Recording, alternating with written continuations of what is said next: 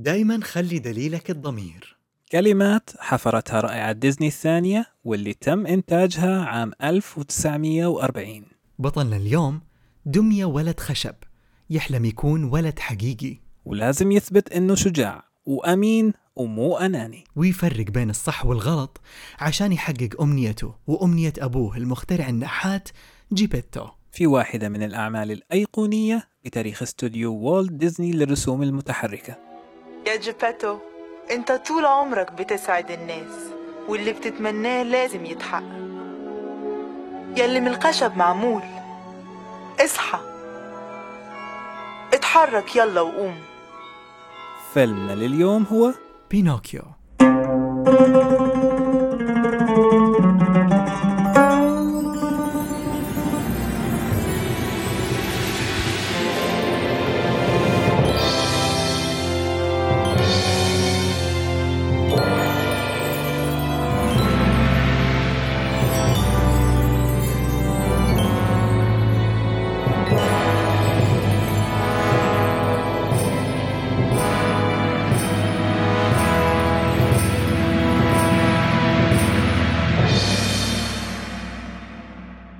أهلا أهلا بالجميع في حلقتنا الثانية من بودكاست ديزني fun. حلقتنا اليوم عن ثاني فيلم سينمائي طويل لشركة Walt Disney Animation Studios وسيم كيف حالك؟ أنا تمام. أنا جدا مبسوط. كويس؟ أنت مبسوط؟ أنا عارف إن المي... مرة مبسوط. وسيم سؤال. قول لي. أحس أحس حابب صراحة إنه نبدأ حلقاتنا دائما بذكرياتنا الشخصية مع الفيلم نفسه. يعني أبغى أعرف أنت أول مرة شفت بينوكيو فيها متى كانت وإيش كان شعورك تجاه ال- الرعب اللي موجود في الفيلم هذا؟ آه، أتذكر إني شفته وأنا صغير أكيد يعني آه، ف أتذكر إنه كان غريب علي بس كنت مغرم بال... بال... بال... بالمكان اللي هو فيه المكان اللي عايش فيه بينوكيو البلدة أو المدينة آه، هو مو مو مدينة حتى هي بلدة يعني. اي قرية قرية. yes آه طبعا في أشياء ومقاطع كانت مخيفة. أول ما تشوفها تجيك الصدمة اللي آه إيش فيه فجأة كنت cute إيش صار؟ ليه؟ ليه؟ ف أتذكر هذه الأشياء اللي كانت آه، يعني كان لها وقع يعني في ال... وأنا أشوف الفيلم. آه غير هذا الحوت كمان كان غريب شوية علي يعني. حتى الحوت كان يخوفني. مو مرة يخوفني بس يعني آه، كنت أحس إنه يعني ليش كلهم أشرار؟ يعني في سنو وايت كان في واحد شرير هنا كلهم أشرار يعني. معك حق صح. يا يعني هو بنوكيو هو الوحيد الطيب والباقيين وأبوه طبعا آه والباقيين كلهم. خير ليه؟ ليه قلبت الدنيا كده؟ ف... وتعرف آه، بينوكيو لما نزل عندنا في آه، في الشرق الأوسط نزل عام 2000 actually. يعني نزل متأخر شويتين فاحنا أنت شفته بالعربي أول مرة ولا شفته بالإنجليزي لا قبلها؟ إنجليزي أتوقع يعني آه. ما أتذكر إني شفته ابدا بالعربي للأسف كنت أحب أشوف أوف، الأفلام أوف، بالعربي أوف، بس أوف. ما شفته قاعد أنتظر آه،. ديزني بلس آه، العربي على أساس يجي بالعربي يس yes حنتكلم عن الدبلجة شوية اليوم حاعطي لك كذا كم حاجة تحمسك يمكن على النسخة العربية تشوفها مم. بس بالنسبة للفيلم أول حاجة حظك إنك شفت الفيلم يعني قبل قبل لا قبل لا يصير سائد عندنا في الوسط العربي. بس في الفترة اللي نزل فيها الفيلم أول مرة شفته فيها أه، اعتراف الموضوع مر عليه 20 سنة شفته منسوخ. طيب أتذكر كان في محل جنب بيتنا القديم أيوه. كان اسمه اسم اسم المحل الخردوات. من اسمه تعرف إيش يبيع. تمام؟ أيوه. يبيع خردة بيسكلي Yeah. فكنت أروح هناك أجمع مصروف ال- المدرسة في حصاله وأروح بالحصالة مم. إلين محل الخردوات وأطالع ألاقي عندهم أشرطة منسوخة وعليها مصورين صورة فورية. تعرف الصور الفورية هذه اللي تهفها في الهواء عشان تبان. عليها. سو مصورين أيوه مصورين صورة الغلاف صورة فورية وملصقينها على الغلاف. قال لك إنه هم عملوا غلاف. ألو آه، شرطة ال- ال- هذا ال copyright تعالوا مباشرة. ما عندك أحد هذا الكلام عام آه، 2001 2002 يمكن. يا كان business ب- ف- بحاله سوق أوه. كامل بكامله اللي ما كنت اعرفه واكتشفته مع هذا الفيلم هو إنه الأفلام المقرصنة اللي على أشرطة فيديو زمان كانت تنقسم على قسمين. يعني مو كل أشرطة الفيديو تتحمل إنها تسجل ساعة. فأنا فعليا شفت أول نص ساعة من بينوكيو يمكن 17 مرة. لأن اليوم أنا ماني قادر يعني مراحل النهاية حقت بينوكيو أنا مو كثير متأثر فيها لأنه ما شفتها في طفولتي أنا شفتها لما كبرت. على كده. على كده أنت اللي كنت مربط بخيوط ببنوكيو مو مو أنا حقيقي كان في خيوط مربطتني عن مشاهدة الحقيقة. تريد أن ترى الخيال. لأنه لأنه لأنه وإحنا صغار وإحنا صغار كانوا أهلي دائما يجيبون الأفلام يعني أصلية. ما عدا بينوكيو ما أدري ليه ما دخل بيتنا. إلى يومك هذا ما عندي أي فكرة وما يعني لما أسأل أبوي يقول لي والله ولا أذكر إيش كنت أجيب لكم أصلا. كان يشوف شريط كرتون آه حلو يلا جيبوه. بس that's ما كان ما كان ما كان في يعني اللي هو آه. هذا فيلم كسب أوسكار وهذا فيلم نظيف جديد. لا هو فيلم كرتون ومثلا أكون خارج من المستشفى وأنا صغير كنت أروح مستشفى مرة كثير. أكون خارج من المستشفى أكون نجح نجحت في مدرسة أكون في مناسبة. فجيبوا له شريط كرتون. بس اللي صار إنه بينوكيو كان يوقف الشريط اللي عندنا بالضبط على مشهد تحول الأولاد لحمير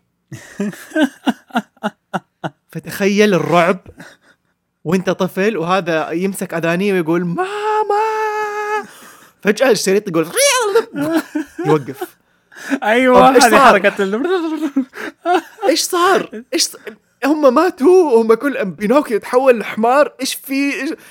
قعدت يمكن cliffhanger بد- قبل ما ما يكون ال cliffhanger من 2002 تقريبا. أنا برميها 2002 أتوقع كانت 2002 لما شفت بينوكيو إلين 2010 وأنا أستنى أعرف إيش صار في بينوكيو لحظة أنت اللي. اشتريته يعني جزء وما اشتريت الجزء الباقي؟ ما أعرف من فين الجزء باقي. أروح له أقول له في الخردوات أقول له أبغى تكملة يقول لي ما في تكملة إيش تكملة؟ هو شريط واحد. قل له حرام عليك زيفت الفيلم. ألو شرطة. تعالوا خذوه ما في ما في. بس بس صراحة أتفق معاك إنه الفيلم كان ساحر من ناحية ال- الجو العام اللي يحطك فيه. وكيف وإحنا أطفال يا أخي ما تدري لين يومك هذا أتساءل كيف كيف إحنا كنا أطفال؟ ونطالع في الشاشة وهم هم ما قالوا بلسانهم إنه هذه إيطاليا. زي لما في, في آه، الأميرة النائمة ما قالوا بلسانهم هذه فرنسا. بس أنت كطفل تشوف الأعمال هذه ما ما أعرف كيف جوة مخك you're like آه هذه إيطاليا. آه هذه فرنسا. آه هذه نيويورك. آه. أصبر علي أنا راح أقول ما لك. ما أعرف. راح أقول. لك بس خلينا ندخل في الحلقة. دخلنا في الحلقة ولا لسه ما دخلنا في الحلقة؟ دخلنا خشينا إحنا يلا إحنا في موجودين الحلقة؟ okay خليني أقول لك.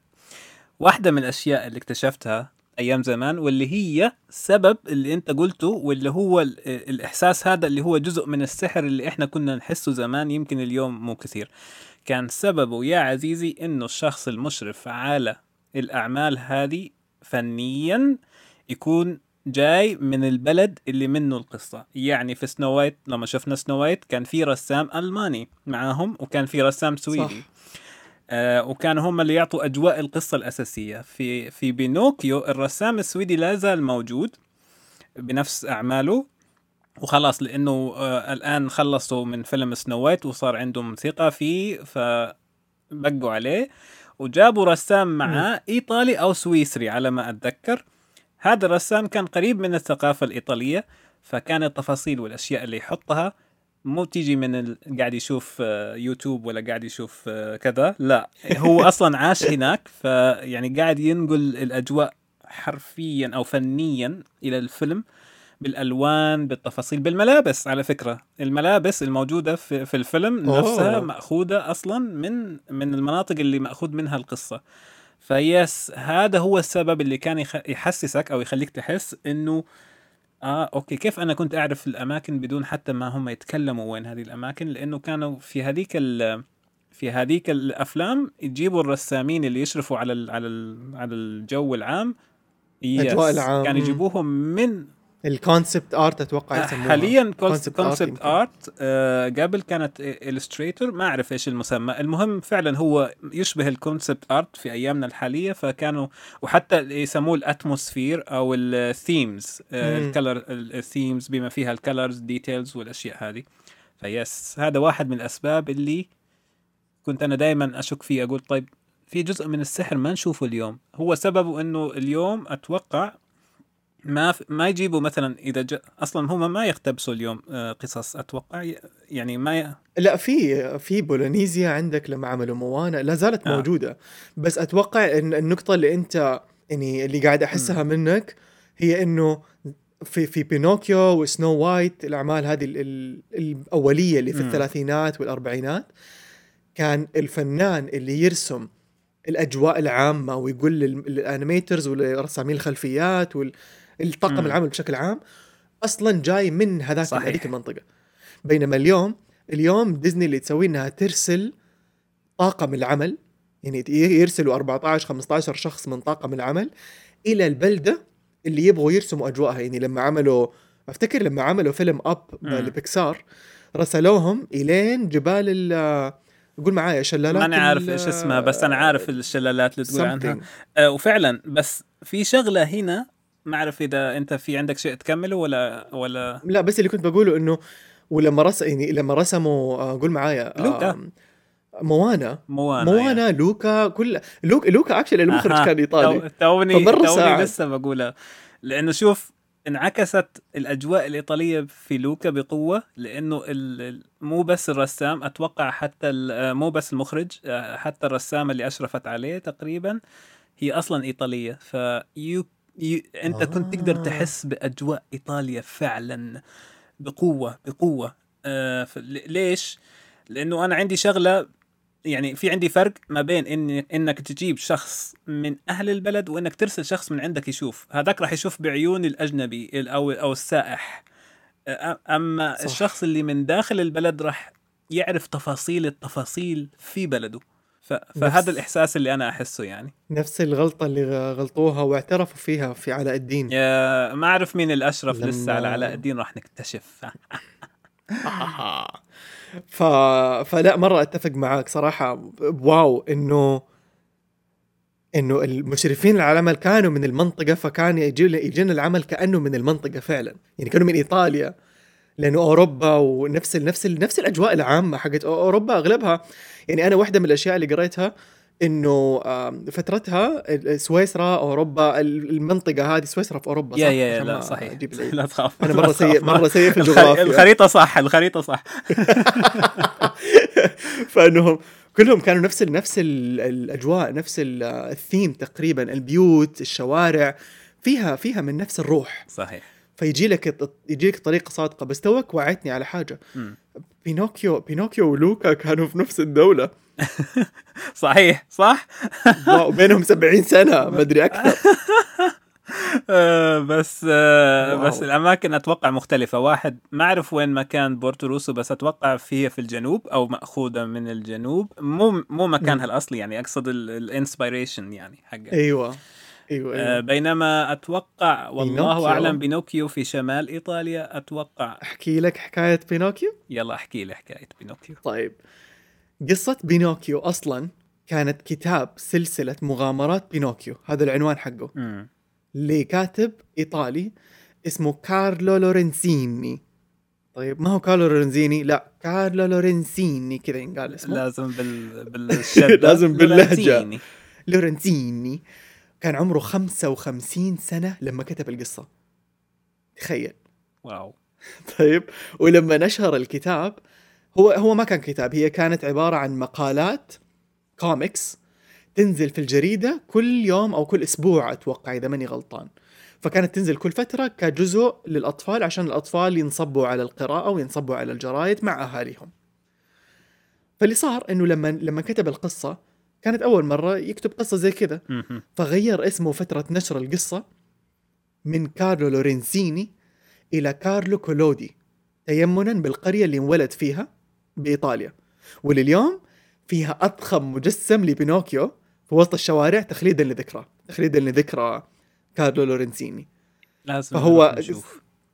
هي المنطقة اسمها كولودي مم. يعني تقدر تبحث عنها و actually لما قعدت أطالع يعني شفت فيديوهات شفت صور لل- للقرية أو. اليوم ما هي قرية هي أكبر من قرية هي نوعا ما أنت قلت كلمة حلوة قبل شوية ما قلت مدينة آه، بلدة بلدة اللي هي كلمة تاون بالإنجليزي. أتوقع تترجم إلى بلدة مرة عجبتني ف... ففي البلدة كولودي لما تشوف الشوارع لما تشوف الناس وعندهم عشق مو طبيعي لبينوكيو بشكل غريب يعني تحسهم فعلا فعلا بيقدسوه. اللي يحزن إنه كارلو لورنزيني أو كارلو كولودي توفى عام 1890 قبل لا يشوف بينوكيو يصير شخصية عالمية مشهورة. شفت كيف؟ ف فايوه فهو ما ما هو عارف. يعني توفى وما هو عارف إنه بينوكيو أصبح عالمي. لكن توفى وهو عارف إنه بينوكيو انحب من كل أطفال إيطاليا. لأنه اللي صار. اللي صار إنه كتب القصة وبعدين في نهاية القصة ما طول. ما ما طول في الكوميكس. علق بينوكيو بحبل مشنقة من شجرة وأنهى الحكاية. وانه بينوكيو انه تعلق بحبل مشنقة على شجرة آه، عقابا للأغلاط اللي كان يسويها الأفعال السيئة وكذا. بالضبط. تخيل. هذه هذه اللي سواه هو آه، سبب كثير مشاكل لديزني بعدين. مع إنه ديزني يحب قصة بينوكيو وأكيد كانت ضمن الأشياء اللي مخططينها يعني لسبب ما لكن سببت لهم كثير مشاكل. أولها كانت إنه ال- القصة كانت تنزل مثل ما أنت ذكرت على أجزاء وكأنها حلقات يعني. أنت راح تسويها فيلم كيف راح تدمجها بشكل صحيح؟ ديزني تذكر إنه ديزني إلى الآن الفيلم الكبير الوحيد اللي عملوه كان سنو وايت طالعين من سنو وايت. مم. سنو وايت قصة واحدة من الألف إلى الياء ما في ما في آه إنه مثلا آه مثل الحلقات. هنا لا بينوكيو في البداية اللي هي أول ما يبدأ يصحى يصير دمية خشب بس آه عندها حياة يعني. الجزء الثاني اللي هو مع الثعلب وال- والقطة نسيت أساميهم آه، إيش اساميهم هذول الثاني بال اسمهم اون Honest John وجيديان بالإنجليزي أيوة. فهذا جزء ثاني كان وكيف إنهم باعوه لهذا ال- Yes. إيش اسمه؟ إسطنبولي بس تعرف تعرف اسمه؟ تعرف إنه القصص هذه جات بسبب إنه بعد ما كلودي بعد ما كارلو sorry. كارلو لورينسيني شنق بينوكيو أطفال إيطاليا عملوا ما يشبه الإضراب يعني كلهم رسلوا له رسائل وبكيوا عند أهاليهم ولا ونبغى القصة تكمل لدرجة إنه حتى الأهالي صاروا يطالبوا المجلة أو دار النشر هذه إنهم يكملوا. فأقنعوا كارلو لورنسيني إنه يكمل القصة حقت بينوكيو وكملها. تخيل كارلو عاد هو يعني طفشان. يا الله خلاص يا خلاص مات الرجال فمن هنا exactly فمن هنا كمل القصة ولا كان هو موقف يعني عمل كم كوميك ووقف قال خلاص ومات بينوكيو عشان هو ولد سيء هم كانت القصص عندهم زمان هذا كلام في 1800 أنت. مستوعب يعني يعني مم.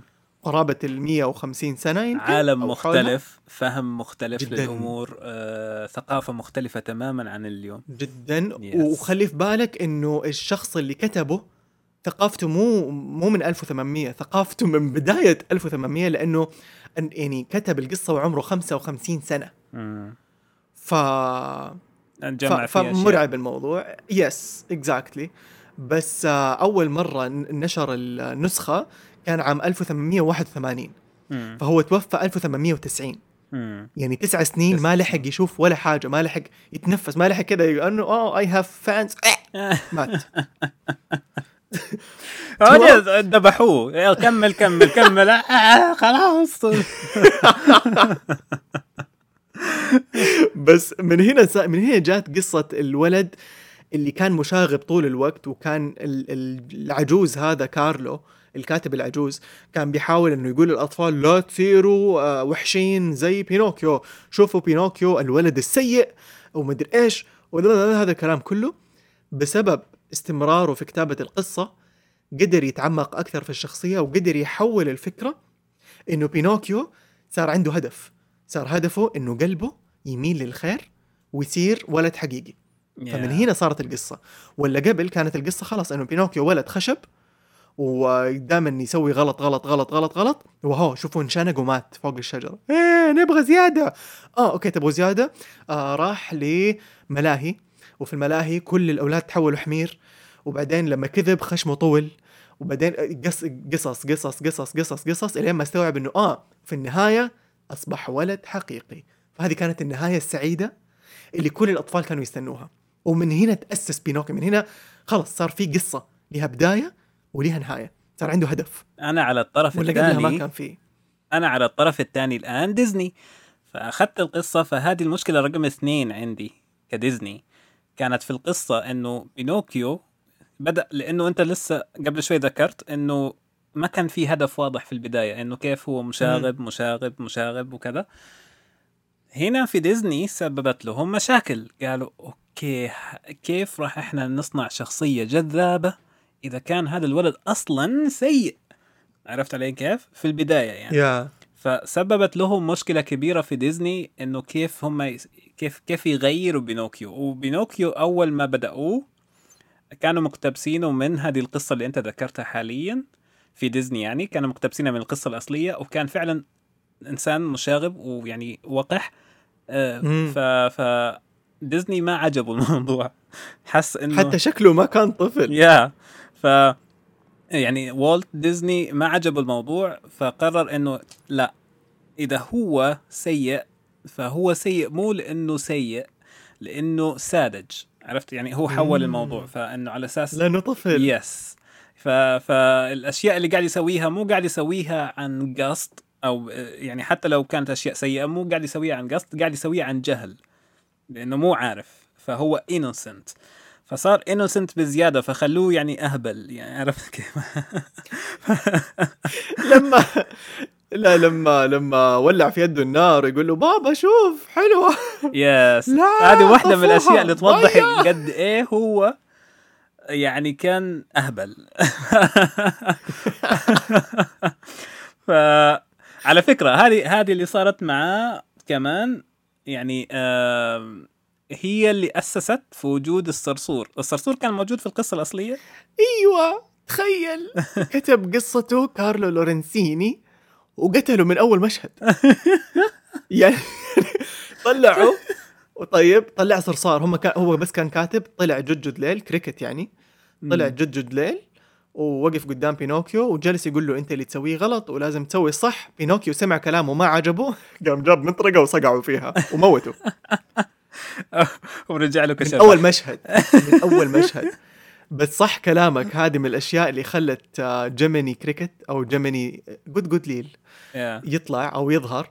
آه، رؤية آه، والت ديزني للموضوع. تقدر تحكي الحكاية؟ آه، هو لما شاف إنه كيف آه، بينوكيو جدا هم الآن حولوه إلى إنسان ساذج أو أو طفل يعني جدا جدا عبيط أهبل اللي أنتم تحبوه يعني.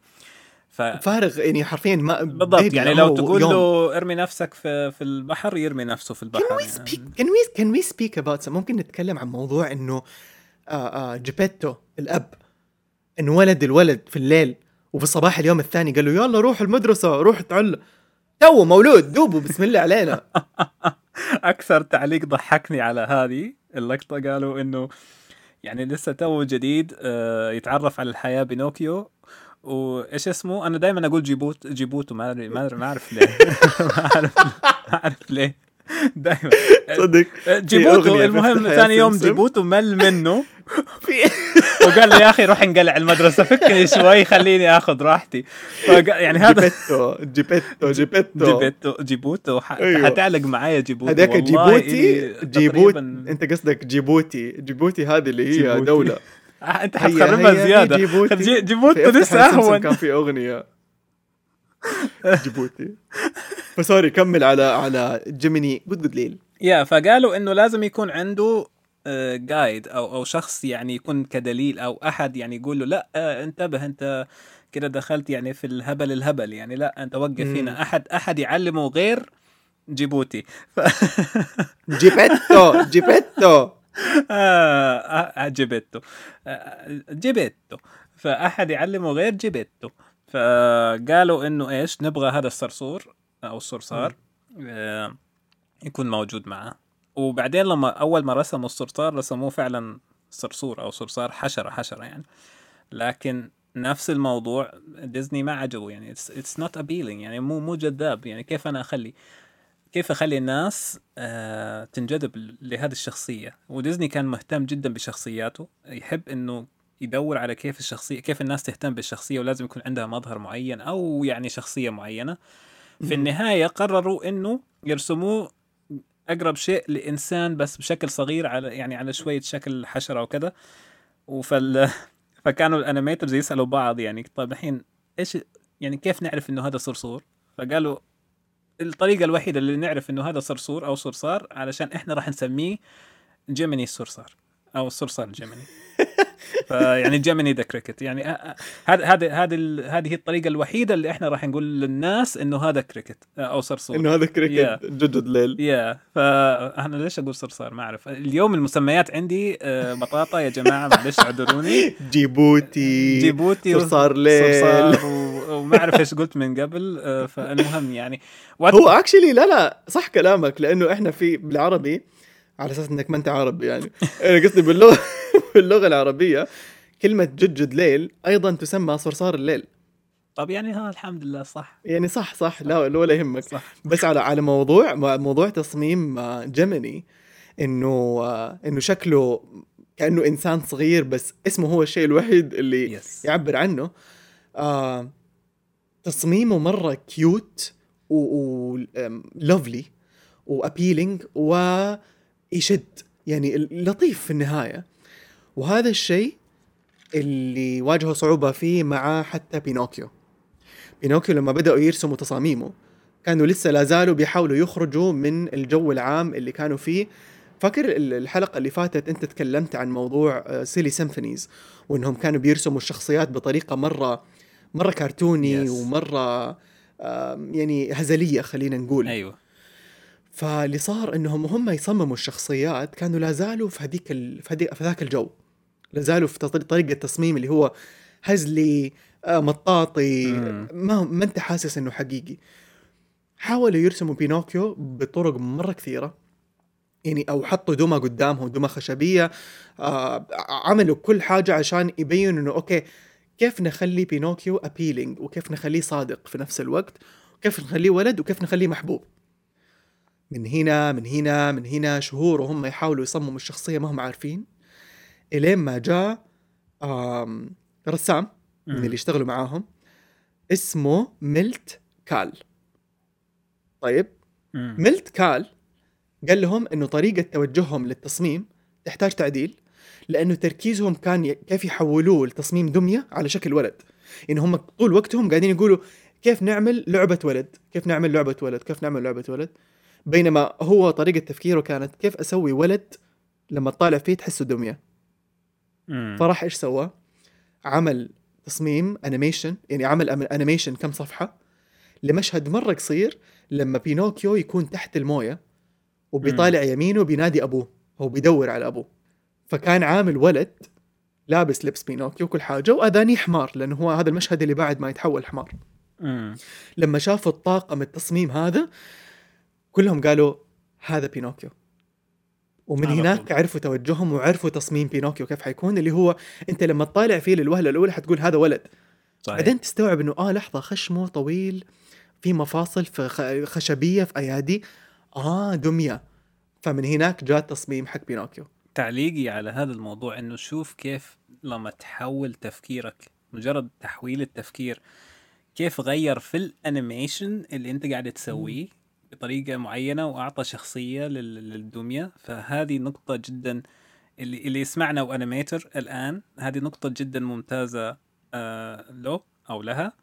في إنك كيف أنت التفكير اللي قاعد تسويه في الشخصيات اللي أنت قاعد تحركها راح يفرق معاك جدا مثل ما صار في قصة أو. تصممها Yes أو يعني هو Yes. هو لما بدأها بدأها كان يبغى يشوف مفاصله كيف تتحرك كذا ورسم الوجه بعدين رسم الجسم بعدين استوعب إنه أنا برسم ولد ماني قاعد أرسم دمية امم فمن هناك من هناك خرجت الفكرة آه على, وعلى- موضوع وعلى هذه. وعلى...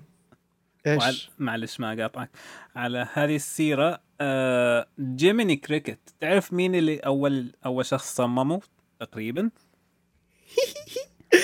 القصة اللي حكيناها الحلقة اللي فاتت؟ اللي هي قول قول. okay um, so القصة هذه حكيناها في الحلقة الماضية بس يعني مو مشكلة لو عدناها بطريقة كذا إيش يسموها؟ مختصرة. مختصرة؟ بحكاية مختصرة. اللي هي قصة المخ... ال- ال animator وارد كيمبل. صح هذه القصة اللي قصدك تحكيها وسيم؟ yes okay. so حكاية ال animator وارد كيمبل مع جيميني آم هي إنه وارد كيمبل كان animator supervisor يشتغل في سنو وايت كان شغال و supervisor بي بيشرف على مشهد كامل. كان كانت أغنية actually اسمها أغنية الحساء. تقدروا تشوفوها على يوتيوب الآن. لو دخلتوا كتبتوا I think soup song أو شيء زي كذا أو soup scene سنو وايت حتشوفوا المشهد هذا.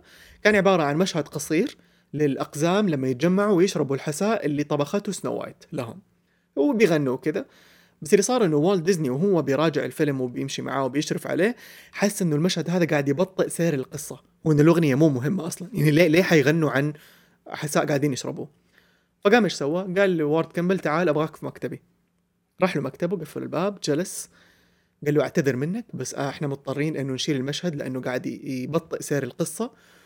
بس بنفس الوقت في نفس الجلسة قال له عندي لك بديل مهم. في حاجة في الفيلم الجاي أبغاك تشتغل عليها شيء مرة أساسي اللي هي شخصية صوت الضمير. دي بينوكيو اللي هو كان جيميني كريكت. جيميني الصرصور جيميني ستار فاللي اللي صار من وقتها إنه استلم وارد كيمبل جيميني واللي اليوم يعتبر شخصية أساسية في ديزني وتقريبا هو يعني هو هو شخصية يعتبر رمز لأنه مصاحب للنشيد الوطني لمملكة والت ديزني الخيالية When You Wish Upon Star اليوم هي النشيد الوطني لديزني. صحيح. تبدأ قبل كل الأفلام. هذه When You Wish a star. فبداية كل أفلام ديزني بدأت بسبب حذف مشهد في سنو وايت ولأنه والت ديزني حس بالذنب وما كان يبغى وارد كيمبل يزعل. وفعلا زعل وارد كيمبل وقتها لما كان جالس في ال meeting. بس لما ديزني قال له حاعطيك شخصية أساسية. وكانت الشخصية هذه أول شخصية فعليا لو نفكر فيها. تكون شخصية آه sidekick أو بالعربي إحنا نسميها شخصية مساعدة اللي هي دائما مرافقة للبطل. يعني زي سيمبا عنده تيمون وبومبا آه زي آه هرقل عنده آه فيلكتيسس فيلكتيت- فيلكتيتس مين كذا شخصيات عندهم شخصيات مساعدة. الاسم علشان أنا أضحك عليك. أنت دائما تضحك علي. جيبوتي وجيبيتو جيبوتي جي... نيفر أنا حلخبط لك في؟ الدول. ما عندي مشكلة.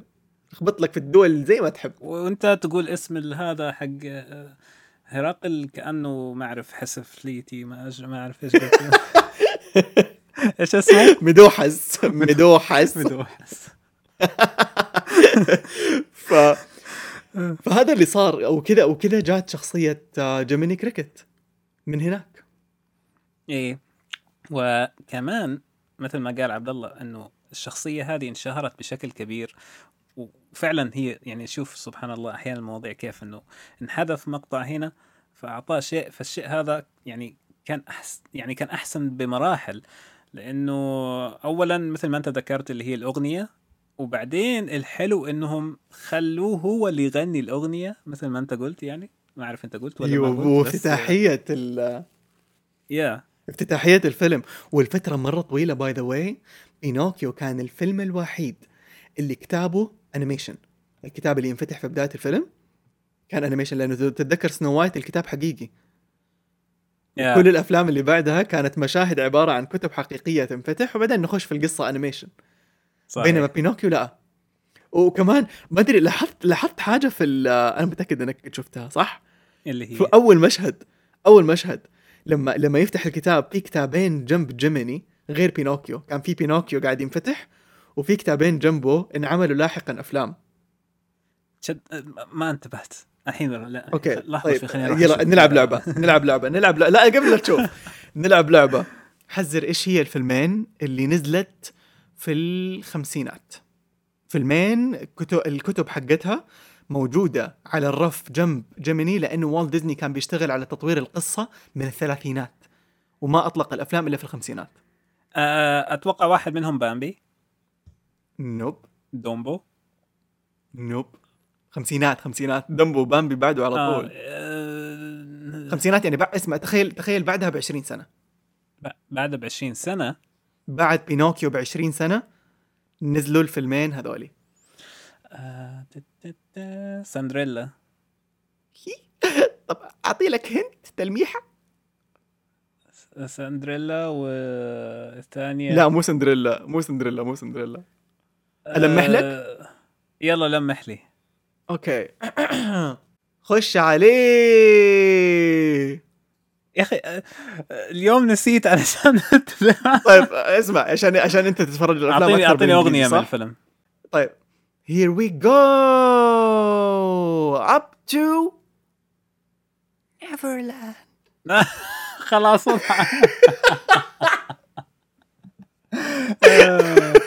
الجميلة والوحش. لا تخيل. لا لا. عارف. كنت حلطم. لا لا والله. قاعد أمزح قاعد أمزح. آه، بيتر بان واضحة واضحة. بس يس، معقولة؟ هذا أول فيلم. yeah. والفيلم الثاني كان نازل قبل بيتر بان اللي هو أليس في بلاد العجائب. أليس أليس. يعني Yes. بما أنك تتكلمت الآن عن أليس أليس مشروع كان أقدم حتى من سنو وايت. عندك خبر؟ أوف. yes وكان مشروع كان آه، آه، تقرر والتغى قبل سنو وايت كان مشروع كان مختلف تماما عن اللي كان ديزني ناوي يسويه في سنو وايت والأفلام الطويلة ال animation. كان مشروع قريب من مشاريع اللي هو الدمج ما بين ال animation وال... والواقع. وأتوقع إنه كان مسوي عليه كذا تجربة في أفلام سابقة قصيرة. وكان موجود. صح. yes ف... صح. فكان مقرر آه، والتغى لسبب إنه صعوبة أو في كان ما أعرف إيش العقبات اللي كانت موجودة أيامها فقالوا okay تعالوا نروح آه، سنو وايت آه، بينوكيو كان في فيلم قبله مقرر والتغى أو صار بعده أو يعني مو بعده مباشرة بس آه، يعني بعده. آه كمان لسبب ما. هل تقدر تحذر؟ قريت هذا الموضوع بس ماني متأكد من بامبي. من معلوماتي.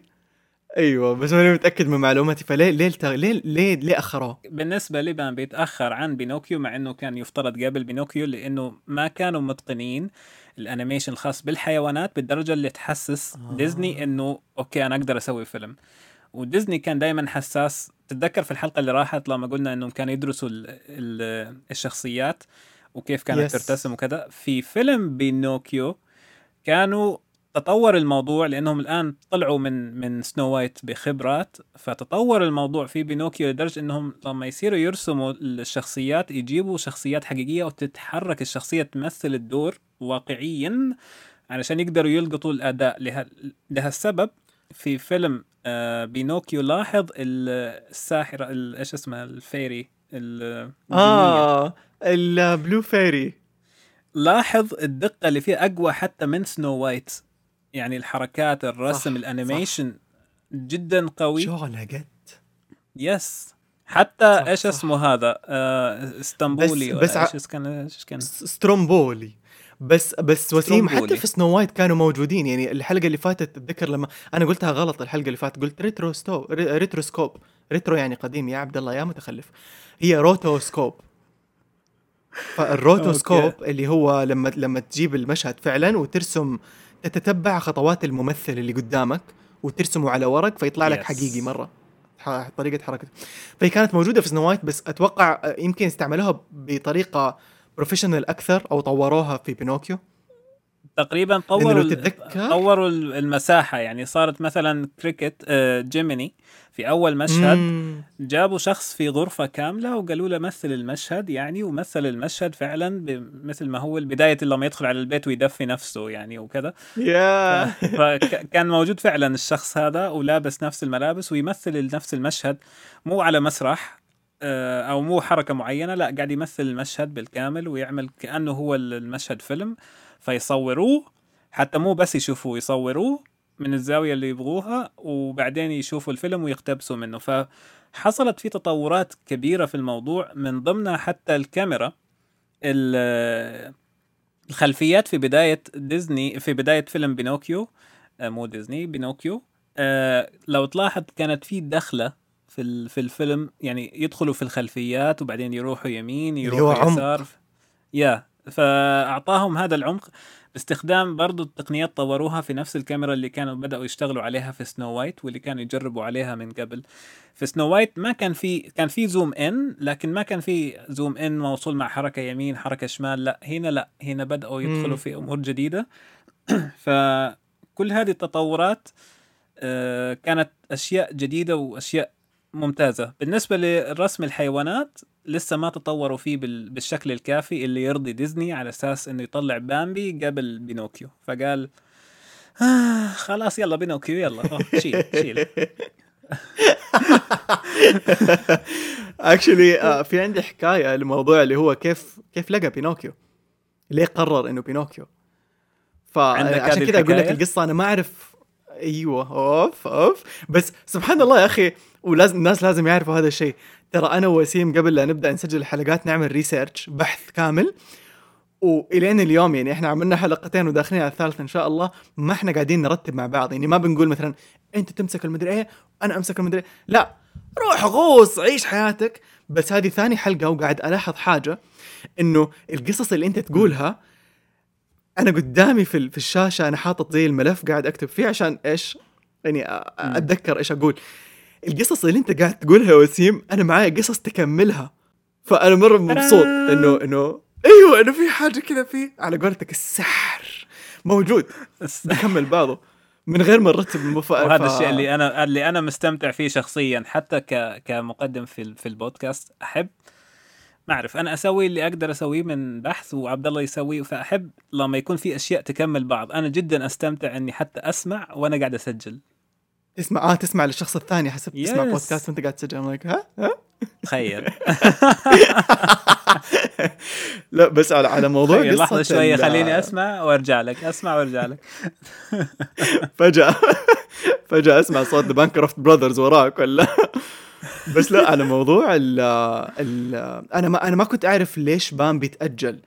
بس أعرف إنه فعلا تأجل واستبدلوه ببينوكيو آه so القصة اللي صارت هو إنه بعد ما خلص سنو وايت الناس كانوا طول الوقت بيقولوا له في مقولة كانوا كانت كثير تنقال لوالت ديزني give us more dwarfs يقولوا له. Give us more dwarfs give us more dwarfs. بس هو ما يبغى لأنه هم مرة حبوا الأقزام السبعة وكانوا حابين إنه فكرة إنه آه هذا اسمه سعيد إنه هابي وهذا اسمه غضبان وهذا اسمه مدري إيه إنه كل واحد فيهم ليه شخصية على شكله. فكانوا يبغوا أكثر كانوا يبغوا مثلا ما أدري مطنقر كانوا يبغوا حزين كانوا يبغوا الأقزام أكثر نبغى أقزام أكثر. هو بالنسبة له والت ديزني كان خايف من موضوع اللي هو إنه يكون عندي عنده آه، خلطة معينة مكررة إنه يصير يكرر في نفسه ما يبغى يبغى يجرب جديد يبغى. يجرب جديد يقدم للعالم شيء جديد فكان فعلا مقرر يصنع بامبي وشغال على تطوير القصة قبل ما animator اسمه نورم فيرجسون حسب ما قريت ما أدري لو. قريت اسمه غلط نورم فيرجسون هذا زار مكتب والت ديزني في واحد من الصباحات ومعاه نسخة من الكوميك حق بينوكيو مغامرات بينوكيو من هناك والت ديزني قاعد يتفقد الكتاب وحس إنه you know what هذا فيلم يستاهل نشتغل عليه. فاللي صار إنه في في الحملة الترويجية حقت سنو وايت والت ديزني أعلن في في أوروبا. كان في أوروبا وقتها بيروج للفيلم. فأعلن. إنه إنه بينوكيو كان قيد التطوير. ما قال لهم إنه هو فيلمهم القادم بدل بامبي. بس قال لهم إنه إحنا شغالين على قصة من تراثكم اللي تحبوه اللي هو قصة بينوكيو وكانت ال ال حسب مصادر اللي قريتها كانت إنه آه، الصحافه الإيطالية أول من أعلن بالخبر. فحتى ال- الأخبار اللي نزلت نزلت, إيطالية أول ما أول ما نزلت في العالم يعني. فهذا يعطيك برضو عمق لتاريخ. أنت فين قطع معك؟ كان آه. عندهم عيد. آه حسبت تقول لي عيد عشان قطع معك. أوكي. فكان عندهم عيد فعلا. فعلا. عيد وسعيد طلعوا الجبل نزل نزل سعيد مين بقي؟ عيد. عيد وسعيد. نزل فمن هناك من هناك انطلق الخبر إنه آه والت ديزني شغال على قصة أوروبية جديدة اسمها بينوكيو لا لا لا. فقرار إنه بينوكيو يكون ثاني فيلم طويل للشركة جاء قبل إصدار سنو وايت في السينما بكم أسبوع. يعني كانوا الناس okay شافوا الفيلم بس كانوا الجماعة أو ال مو الجماعة اللي هو يعني كل العالم لسه ما شاف سنو وايت. بس اللي شافوه كانوا يقولوا لديزني إنه والله مرة حلو يلا نبغى كمان جزء ثاني يلا سوي لنا سوي لنا جزء ثاني. زي يسوي لك زي رمضان كل رمضان يسوي لك. الموسم ال 33 ف هذه هذه دائما كانت مشكلتي مع مع الأجزاء. حقت المسلسلات والأفلام؟ الأفلام اللي أنا أعتبرها مباشرة يعني أول ما يسوي جزء ثاني وثالث أخاف إنه يكون من منطلق تعال نحلب. لا يعني لا. امم عرفت علي كيف؟ يعني قاعد. يخربوا ال- أحيانا يخرب... إحنا تكلمنا عن هذا الموضوع سابقا لكن أنا أنا أحترم في وولت إنه okay سويت قصة انتهت يلا باي تعال ندخل في عالم جديد. سوي قصة انتهت يلا باي تعال ندخل في عالم جديد. وبعدين آه اللي حبيته فيه إنه okay هو قاعد يقتبس من أعمال موجودة لكن في نفس الوقت قاعد يصلح هذه الأعمال عشان تناسب آه اللي هو قاعد يشتغل عليه. مو بس تناسب مم. الجمهور اللي هو قاعد يرسل الفيلم له في النهاية لا قاعد تناسب حتى آه، جو الشركة اللي هو أسسها يعني ديزني كان دائما دائما ما أعرف يعني لما أشوف الفيديوهات وكذا عنده دائما يعني يتعامل مع الشركة آه، مع مع والت ديزني المؤسسة أو الاستوديو أو الشركة كأنها كيان ولها شخصية فلازم كل شيء يصلح لهذه الشخصية لهذه الشركة يا. مو بس إنه يا. أجيب لي أي شيء وكذا يعني فهذه أشياء حلوة. ومن الأشياء اللي أحسها ما أعرف هل هي حقيقة أو لا بس هذه هذا رأي شخصي. من الأشياء اللي أحسها إنه شخصية الشركة اللي هي الاستوديو والت ديزني إنه okay أنا قاعد راح أحكي ألف حكاية وحكاية مو راح أحكي حكاية وأعيد وأسوي لها 15 ألف جزء يعني. ف no مو كذا. اليوم اختفت هذه القيم أحس نهائيا. فهي نفس الموضوع اللي تكلمنا عليه في السابق لكن هو يمكن جزء من الأشياء اللي هو إحنا كنا نحسها أصلية يعني أنت لما كنت تشوف سنو وايت خلص وجاء بينوكيو تخاف إنه بينوكيو سخيف فجأة تكتشف بينوكيو قصة حلوة لكن في عالم مختلف okay وهذا- سنو وايت خلاص يا سنو وايت خلاص راحت آه، مع مع زوجها وما أعرف إيش الحين خلاص يعني عرفت علي كيف؟ يعني تخيل لو سووا بينوكيو جزء ثاني إيش راح يكون؟ يرجع يرجع خشب يعني ولا إيش؟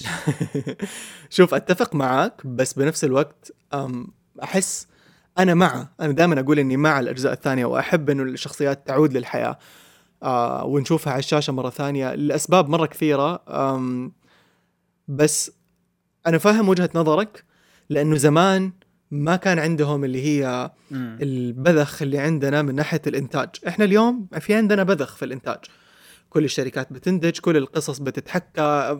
خلاص ما عاد في اللي هو الخوف إنه فيلم واحد كل خمس سنين فيلم واحد animation كل خمس. ما في في اللي هو كل شهرين ينزل لك فيلم animation جديد. مم. فما عندهم مشكلة إنهم يعني مثلا ديزني لحالها اليوم مع ديزني بلس بتحكي ألف حكاية وحكاية. فهذا هذه النقطة اللي أنا أختلف معك فيها. إنه بيحكوا حكايات جديدة اللهم بعض الحكايات بسبب بذخ الانتاج اللي موجود بيعيدوا إحياء الشخصيات حقتها بقصص جديدة. لكن في إنتاجات جديدة بتتسوى تقريبا كل شهر. كل شهر بينزل لهم حاجة جديدة سواء كان مسلسل أو فيلم. بس أفهم وجهة نظرك من ناحية التجديد واللي هو freshness كده تحس نفسك بتشوف حاجة جديدة طازجة كذا عارف؟ توها طالعة من الفرن طعمها جديد Yes. لونها جديد. yes تبغى شيء مختلف خلاص okay. يعني شفنا شفنا Yes. فيلم شفنا جزء ثاني وثالث في هذاك العالم okay شخصيات أبغى أشوف شخصيات جديدة أبغى أشوف Yeah. قصص جديدة وكمان آه. برضو يعني في لا زال في وكان في كمان تخوف من إنه مثلا والت ديزني ما كان يبغى يسوي سنو وايت الجزء الثاني لأنه حس إنه بيسلق بيض حس إنه ما أبغى أسوي شيء مثلا يشوه سمعة الفيلم اللي نجح قبل فخلاص let's not do it وما أبغى أسوي فيلم قصير يقولوا آه. نزل فيلم قصير كذا عادي. ولا أبغى أسوي جزء ثاني فيطلع سيء أسوأ من الأول فأق... فيبغى يسوي حاجة fresh دائما ف بس الشيء اللي صار إنه آه، في الحلقة اللي فاتت كنا نتكلم عن موضوع budget سنو وايت إنه budget سنو وايت كان مرة مرة مرة عالي.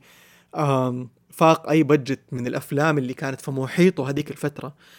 والأدهى إنه budget بينوكيو كان double budget سنو وايت يعني بسبب نجاح سنو وايت العالمي والفلوس اللي دخلها والت ديزني الآن خلاص دفع كل ديونه.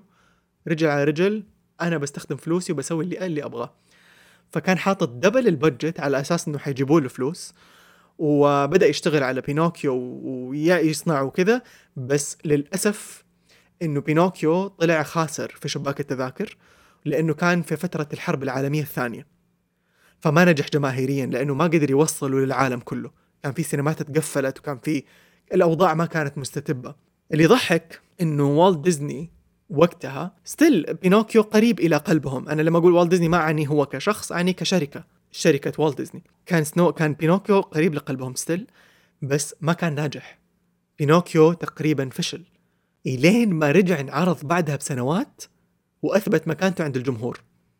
وعندنا لما نزل على شريط فيديو عمل فين يعني أنا ما استوعبنا إحنا اللي عمل فين بس قبلها كان كان هي في اللي هو عرض كل سبع سنين تقريبا ينزلوها في السينما وكانت تنعرض بس في مناطق معينة في أمريكا. آه كان حاجة اسمها I think إذا ماني غلطان ديزني summer festival أو شيء زي كذا. كانت إنه ديزني تتفق مع عدة آه سينمات إنهم بس يعرضوا إنتاجات ديزني فكانت طبعا من الإنتاجات اللي هي ال animation stuff لأنه لاحقا سوى أفلام live action فمن الأفلام كانت آه، بينوكيو وواحده واحدة الناس بدأوا يستوعبوا إنه هذه تحفة كلاسيكية خالدة فموجودة. ولما نزل على فيديو في الأسواق في الثمانينات تقريبا آه تهاتفوا الناس عليه. كان من أعلى الاشرطه مبيعا في التاريخ. فعلا أنا أتذكر إني شفت فيديو عن هذا الموضوع آه وكان كان يقول إنه كيف كان والت ديزني يرفض حتى إنه آه يتقبل إنه الفيلم خسر. فكان كان يحاول دائما إنه يست يعني يحاول okay لا الفيلم ما خسر الفيلم ما خسر. وأتذكر حتى إني شفت مقطع لأخوه في هذا الوقت يقول له آه اللي هو تقريبا روي ديزني يقول له والت Yeah. والت لازم شريكه كان. يا لازم أكلمك في موضوع. لا كان دائما يقول له boy أو kid kid تقريبا. kid I need to talk to you فيقول له إيش فيه؟ قال له إحنا مديونين للبنك بمليون وما أدري نص وشيء زي كذا قام والت قام والت قام والت إيش سوى؟ ضحك. ضحك والت صار يضحك. روي قال له ليه قاعد تضحك؟ إحنا مديونين للبنك بمليون وكذا. قال له آه قاعد أضحك لأنه تتذكر أيام قبل تقريبا سنو وايت أو كذا كنا نقول للبنك أعطونا قرض ألف دولار يقولوا لا. الحين إحنا مديونين لهم بمليون ونص. عرفت علي كيف؟ فنظرة نظرة ديزني هنا حتى لما أنا سمعت القصة قعدت أضحك إنه نظرته جدا يعني قاعد يشوف النص المليان من ال... من الكوباية فعلا مو قاعد يشوف النص الفارغ مو قاعد يشوف إنه عليه دين قاعد يشوف إنه آه، إحنا الآن. وصلنا ناخذ دين بال... بالملايين. واو. يا مو فهذه صاحي، عجبتني أقسم ف... بالله إنه ما هو صاحي. جدا مصاحي لهالسبب يعني كان عجيب ورفض إنه يقول لك لا خسارة. فصار صار اللي أنت قلت عليه هذا اللي صار يعيد آه، ينزل الفيلم في السينما كل فترة وفترة إلين لما سوى الفيلم أرباح متراكمة يمكن هي الأعلى بعد سنو وايت. ما أعرف إذا سنو وايت أعلى واحد بس تقريبا هي الأعلى بعد سنو وايت بعد سنوات. فقدر فعلا وهو قاعد يسوي هذا الشيء إنه يرجع الأرباح. وحتى حكاية ال- اللي هي ال- اللي إنه قاعد يكرر الفيلم في السينما. أدت مم. بعدين إلى إنه ينزلها شرايط فيديو لأنه أيام زمان ما كان عندهم فيديو تذكر يعني تمام ما كان ما كان في هذا بعد, بعد ما توفى بعد ما توفى والت ديزني نزلت. الأشرطة إيه، صحيح لكن أنا قصدي إنه أيام زمان أصلا ما كان في فيديو فالناس الطريقة الوحيدة اللي حتشوف فيها فيلمك أيام اللي أيام اللي كانوا هم فيها إنه راح يشوفوه في السينما كل فترة وفترة. فهو كثف. يا. كأنهم قاعد يروحوا يشوفوا يروحوا السينما عشان يشغلوا الفيديو هناك. عرفت علي كيف؟ ذكرتني بحاجة. ذكرتني بشيء. في واحد أتذكر animator كنت قاعد أسمع له بودكاست فكان يحكي حكاية إنه آه، آه يقول كان يعرف بينوكيو ويعرف سنو وايت مع إنه ما كان يشوفهم. وهو طفل. بسبب سيديات مو سيديات هذه الأقراص ال vinyl. تعرفها؟ أمم. فكان يقول كان في عندنا قرص vinyl في أغنية مدري أغنيتين أو شيء زي كذا. فدخل فيلم بينوكيو وهو حافظ كم أغنية بسبب ال vinyl بس ما كان يشوف ما كان يعرف. plus إذا ماني غلطان آه ديزني أو والت ديزني كان عنده آه برنامج هذه معلومة صحيحة مو إنه ماني غلطان ماني غلطان بعد شوية جاكم فيها. بس كان عنده برنامج تلفزيوني آه يحكي فيه عن أعماله. يعني برنامج ياخذكم على كواليس الأعمال يوريكم أفلام قصيرة ياخذكم جولة في ديزني لاند أشياء مرة كذا اللي هو عالم ديزني basically. آه أظن اسمه The Wonderful World of والت ديزني هذا اسم البرنامج. تقدر تلاقوا حلقاته على يوتيوب. مجانية and it's for free و I think إنه do they own the rights? I think they still own the rights.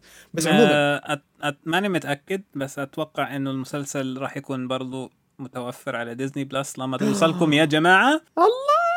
ف راح توصل بعد كم أسبوع خلاص يعني الحمد لله مره مرة أنا قريب لازم أقول لكم إيش تشوفوا وإيش ما تشوفوا وإيش لا كل شيء حتشوفوه يعني. الله! يعني لازم تقعدوا كده جلسة كاملة و, و...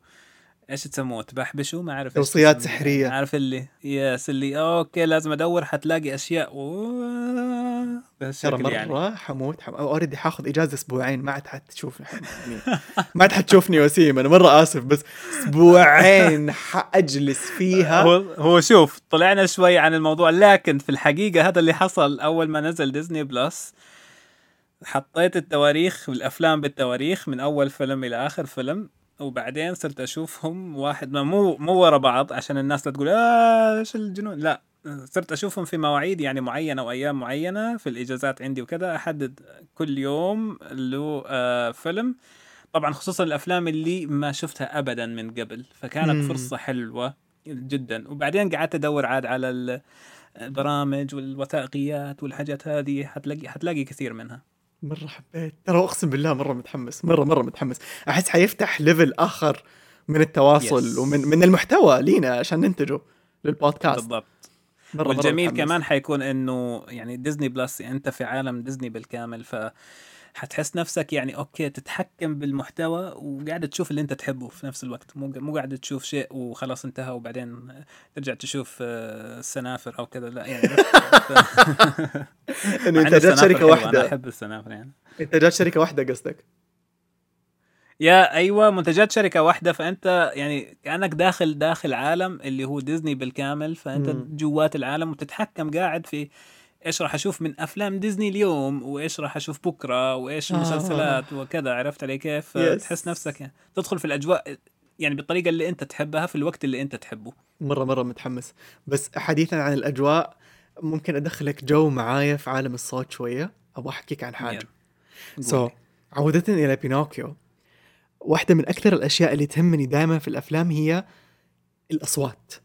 كيف اختاروا الأصوات؟ ليش اختاروا الأصوات؟ مين هم؟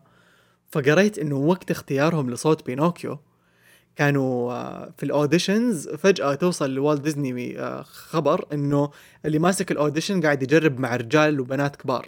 يعني نساء. ورجال كبار بيحاولوا يسووا نفسهم أطفال. قال لهم لا لا لا لا لا لا لا جيبوا لي ولد حقيقي. بتهببوا إيه بتهببوا. أيوه.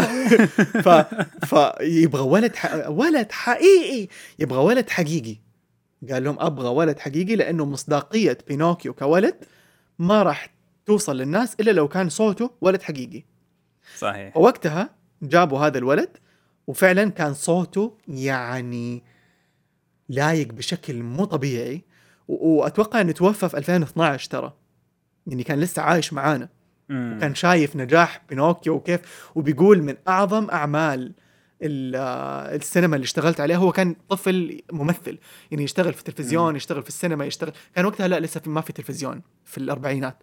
كان بيشتغل في السينما ويشتغل في المسرح. شيء.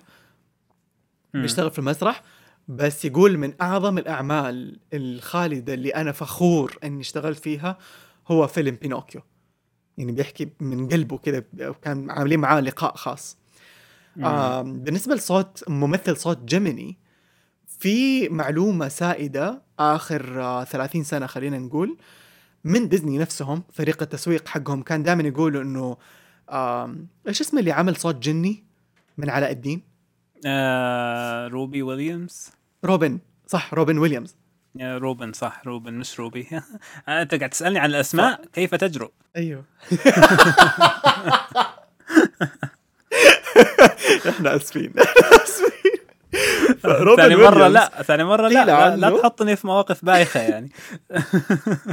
أعتذر. قيل أيوه عن روبن ويليامز إنه هو أول نجم يشارك في أعمال animation هذه كانت تسويق حق آه، فيلم علاء الدين وما بعده. بس الحقيقة إنه أول نجم يعني. اشتغل في فيلم animation yes كان برضو مع شركة والت ديزني لكن كان آه واحد اسمه كليف إدوارد. وهو كان أول شخص مشهور يمثل شخصية كرتونية. وكان آه، ممثل إذاعي مرة معروف وقتها في أمريكا حول مم. أمريكا كلها. ولما سمعوا صوته حسوا إنه okay you know نبغى هذا. مم. فكان عنده الطريقة اللي هي تقنعك. حتى تعرف كيف جيميني آه جود جود ليل جيميني عنده طريقة Yeah. اللي هو هو الضمير. صرصور فبيقنعك وهو يتكلم كذا يكلم يقول لك ان هذا الصح والغلط. because الممثل حقه كان يعني كان مقدم إذاعي وممثل إذاعي مرة معروف وعنده خبرة طويلة في المجال فكان اداؤه مقنع بالنسبة لجيبيتو.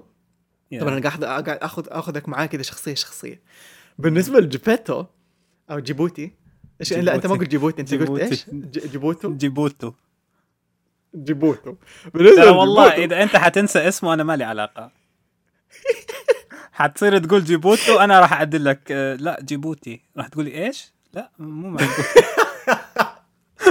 لا أنا ولا أنت. جيبيتو. فجيبيتو كان ممثل اسمه كريستيان راب.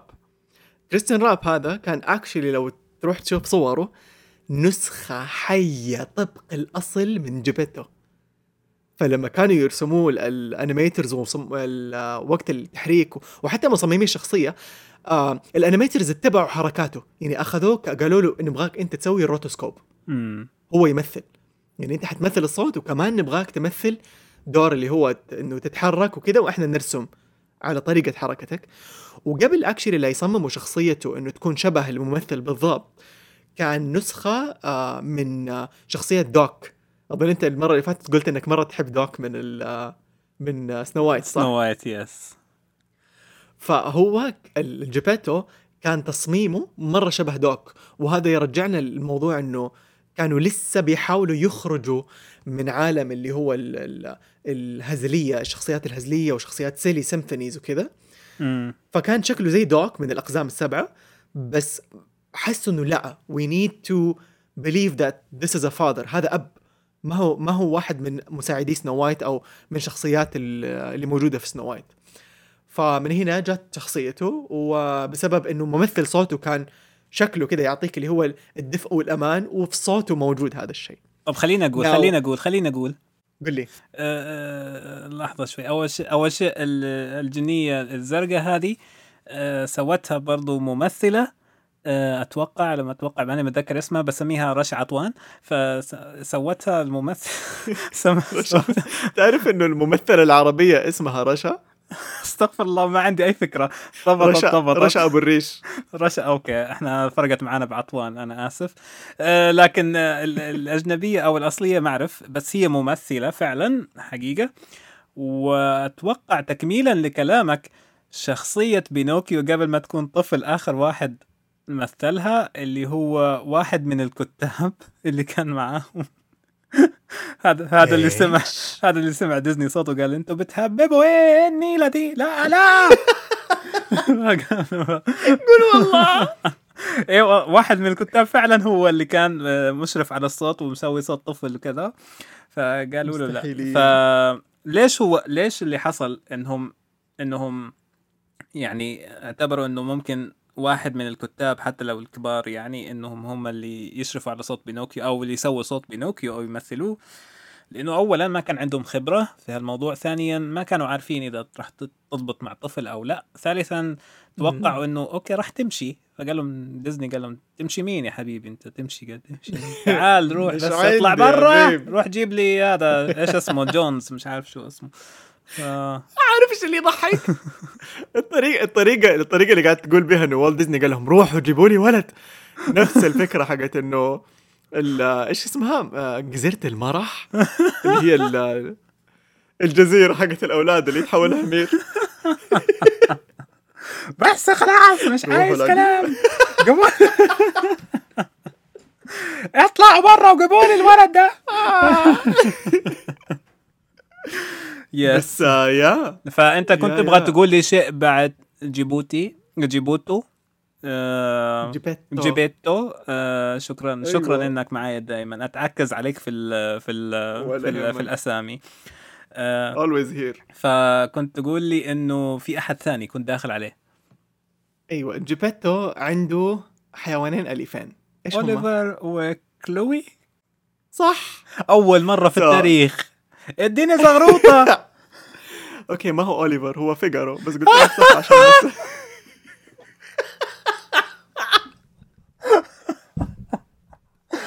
فيجارو.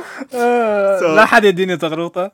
خلاص. فيجارو شخصية فيجارو البسة ممثل صوت بطوط هو اللي كان مسؤول عن أداء صوت فيجارو في الفيلم. طبعا ما له ما له لاينات ما له حوارات بس كان ينونو كل شيء مياو مياو. بس اللي. يضحك إنه وصلنا إحساس فيجارو وفهمنا إيش يبغى. بالضبط نفس كيف آه، بطوط ما إحنا فاهمين منه ولا حاجة بس واصلنا منه إيش يبغى. يعني ال- ال- الغضب والحزن والها موجود بس ما أنت فاهم ولا حاجة. عارف هذاك إيش كان يقول أحمد حلمي؟ أنا سمعت كل حاجة إني أفهم كلمة ما فهمتش خالص. هم بالضبط هذا اللي صار مع فيجارو وبطوط فهذا بالنسبة لفيجارو. فيجارو كان يموتني ضحك بالنسبة لشخصيته. أعشقه. أعشقه. مرة كانوا. يسموا يس كان كانوا. يسموه انه أو كانوا مو يسموه يوصفوه بأنه وكأنه الطفل المدلل اللي فجأة جاء بينوكيو كده وخرب عليه فهو مقهور في نفس الوقت اللي هو يحب بينوكيو. بس يا أخي لا تأخذ مكاني يا أخي يعني okay أنت welcome to the family بس خليك على جنب. يعني أنا اللي ال center عرفت علي كيف؟ أيوه. أيوه مرة صح. دوبي افتكرت لما لما لما كان بينام. أيوه. مشهد النوم وأبوه يقول له جيبيتو يقول له فيجارو أنا نسيت أقفل الشباك. فيعطيه نظرة اللي أنا نايم. ويسحب اللحاف طيب المشهد الثاني برضو اللي. فيه آه بينوكيو كل شوي يسأل ليش؟ أو ليه؟ ليه؟ وفيجارو أيوة. يناظر فيه كده يعني يطلع فيه يا أخي خلاص انكتم نام إيش فيه. ومشهد ومشهد ال- الأكل هم قاعدين ينتظروا آه، بينوكيو يرجع و هذا معصب أنت؟ آه، أبغى آكل ماني فاضي. البينوكيو خرب. يد على يد. أيوه. كان يقتلني يد الشخصية. تحفه أقسم بالله cute. cute cute. جداً، فيجارو cute. جداً. مرة cute. آه اللي رسم فيجارو يقولوا إنه إنه كان آه لا ما أبغى أفتي في هذه فما حقولها. ولا أقولها. وأفتي. قولها قول يعني شوف okay إحنا إحنا مو متأكدين يا جماعة لكن هذه من الحاجات اللي ممكن تكون صحيحة ف yes قولها. نبغى نسمع حكاوي Okay, كمان? استنى حكتب حكتب فيجارو بينوكيو animator we doing it live يا it live حبيبي آه إريك لارسن okay إريك لارسن خلينا نشوف إيش شخصيات إريك لارسن لأنه في واحد من الأفلام الوثائقية اللي تفرجتها آم كانوا بيقولوا شيء عن إريك لارسن هذا الأنيميتر إنه كان مخ متخصص في شخصيات رعب أتوقع إذا ماني غلطان وكان فيجارو بالنسبة له عبارة عن يعني شيء كذا يلعب فيه. صح ولا غلط؟ لا والله شكلي غلطان. آه، أتوقع في رسام ثاني كان متخصص بالشخصيات الضخمة أو الكبيرة. المرعبة. المرعبة أو الكبيرة واللي هو رسم سترومبولي. آه وكان أبدع فيه. ما أعرف إذا هذا الشخص نفسه هو اللي رسم آه فيجارو أو لا. لكن آه هو كان دائما من ال من الاشخاص رسام فيجارو كان فعلا من ال... ما ماني متذكر اسمه حاليا. ما أعرف إذا هو نفس إريك الشخص. لارسن. آه لا والله شكله شخص مختلف. شكلي أفتيت من عندي. أنا مرة آسف يا. جماعة. عشان كذا بنتأكد معاكم live ما نحب نعطيكم معلومات غلط. وبعدين عندنا مين؟ كلوي وصوت كلوي. كلوي.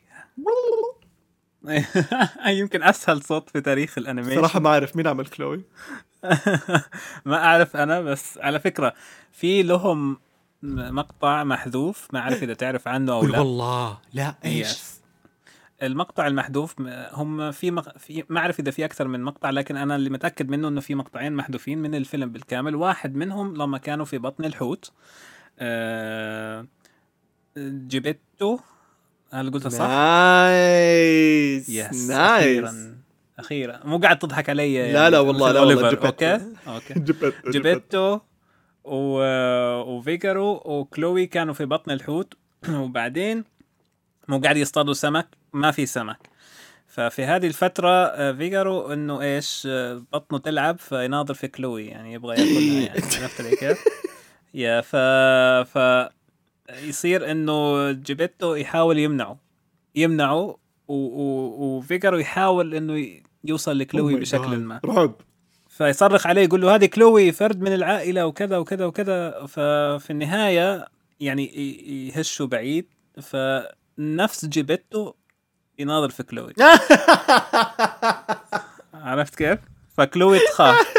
ففي النهاية ما ادري ما أعرف إيش اللي قاعد يصير بس يصحوا بعضهم فيقعد جيبيتو وفيجارو يعتذروا لكلوي إنه كيف هم فكروا للحظة إنهم ياكلوها ياكلوها فأتوقع هذا المشهد كله انحذف بس ماني عارف هل السبب لأنه حسوا إنه دارك ولا هل هو برضه تكلفة الفيلم؟ لأنه أحيانا تتعلق بتكلفة مم. الفيلم والقصة وحركة القصة يعني أكثر من الدارك أو كذا.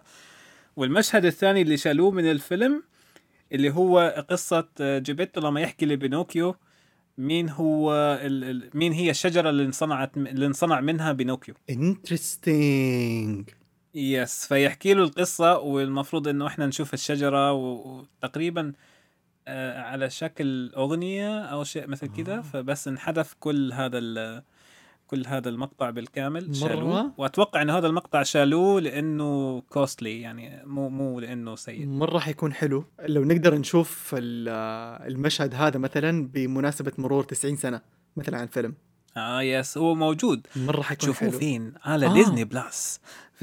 قولوا والله. yes هو موجود فعلا على ديزني بلس فراح تشوف المقطعين هذولا موجودين هناك.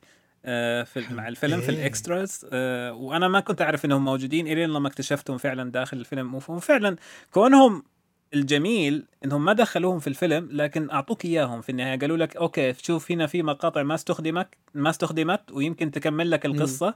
لو إحنا طبعا إحنا حذفناها آه، حذفها ما يأثر على القصة لكن وجودها كزيادة راح يعطيك شوية content زيادة أو محتوى زيادة. حبيت. فحبيت يا أخي. أقسم بالله أنا مرة مبسوط إني عايش في 2022 صح؟ أنا مرة مبسوط إني عايش في 2022 أنا ماني مصدق احس الحمد لله. والله في بذخ رهيب. جميل ممتع. في أشياء جميلة. وأتمنى يعني يا رب يا رب إنه هذه تكون نعمة ما هي نقمة.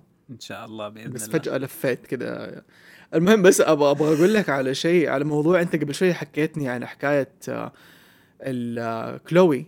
إنها خايفة خايفة يأكلوها. طب التحف ليه ما هم في بطن الحوت يروحوا جدار بطن الحوت؟ وبسكينة ياخذوا شوية لحمة ويطبخوها وياكلوا. ما كنت أنت معاهم عشان تقول لهم الكلام شايف؟ أخي والله العظيم هذا لا هي. فعلا كلامك منطقي لكن أتوقع هي هي لأنها مقتبسة من من نفس القصة. فهم آه. ما أخذوها أخذوها على نفس منطق القصة. فما فكروا فيها ومع إنه كلامك حقيقي يعني إنه ممكن أوكي أنا ممكن ما أعرف والله ممكن آخذ من بطن الحوت نفسه. على فكرة على سيرة ال- الساعات اللي في الفيلم. إحنا ما جبنا سيرة ساعه الفيلم بس أوكي. بس حبيت اللفة. الساعات اللي في الفيلم اللي هي آه، إيش اسمه الحين؟ نسينا. اسمه. جي جيبيتو. جيبيتو. Okay. آه اللي في اللي في هو هو عايش في مصنع ولا بيت ولا كوخ ولا إيش الوضع؟ لا. هو it's workshop هي ورشة. آه يعني بيته عبارة عن ورشة. فالساعات الموجودة هناك كمان مقتبسة من مكان ما أتوقع في إيطاليا أو والساعات الموجودة فيها فيعني أغلب الساعات اللي كانت تشوفها في البيت عنده هي فعلا مأخوذة واقعيا مو مش إنها شيء اخترعوه في ديزني لا هم شيء اقتبسوه أو inspired by شيء شافوه وبرضه. نرجع للرسام اللي رسمهم اللي هو أصلا جاي من هذيك البلد فيعني عنده آه. كان عرفت علي كيف؟ فكان عنده هذه التفاصيل. نعم. فهذه من الأشياء اللي فعلا هم يعني ركزوا عليها شوي في الفيلم كموسيقى كجزء من أغنية الثقافة. بسيطة أو كذا يا فلكن هي موجودة حقيقة. اللي خل... اللي لما شفت الفيلم حبيته إني لو أشوف واحدة من هالساعات راح أشتريها على طول يعني. بس تدري يعني إنه في تقريبا أشياء تشبهها؟ okay so الحكاية إنه آم في الفترة ال- اللي كانوا بيصنعوا فيها الفيلم عشان من من الفلوس الزايدة أظن. عشان عشان عشان يتأكدوا إنهم بيسووا الساعات صح قاموا نحتوا الساعات وشغلوها في الاستديو. وصاروا يرسموها. يعني أخذوها من ال concept يمكن وبعدين صنعوها. ما حد قال لهم فلوس فلوس أبوكم أنتم قاعدين تصرفوا بكيفكم. ما حد في- جاء قال لهم إيوه ما عندهم روي يقول لهم كد. تعال يا كد ترى عندنا مليون ونص. آه بس اللي صار إنه آه، في نحات إيطالي. مرة مشهور اسمه فرانشيسكو بارلوتشي. فرانشيسكو بارلوتشي هذا عنده متجر اسمه بينوكيو. طيب ينحت فيه دمى ساعات زينة كلها من الخشب. من قوة شهرته قدر يطلع للعالم كله لدرجة إنه في فرع للمتجر حقه في الإمارات في دبي مول. Wow. اسم الفرع. أنا كنت دائما أشوف المحل هذا عبارة عن كشك كذا في زاوية مكتوب عليه بينوكيو. مكتوب بينوكيو ودائما أطالع فيه أنا like هل هم يعني is it rip off من بينوكيو؟ عشان والله بينوكيو مشهور. وأنا بسوي البحث اكتشفت وأنا ب... وأنا بقرأ عن كارلو لورنزيني الكاتب اكتشفت إنه في مسار القصة بيوصلوك إلين فرانشيسكو بارلوتشي. إنه بعدين في هذا الإنسان اللي كثير ناس يسموه آه، جيبيتو يعني ال- ال- آه، ال- المنحوتات بالنسبة له زي أولاده. يقول أنا أشوف أح- أنحت اللعبة وجوة رأسي أتخيل إنه هذا جزء مني. It's part of me ولدي.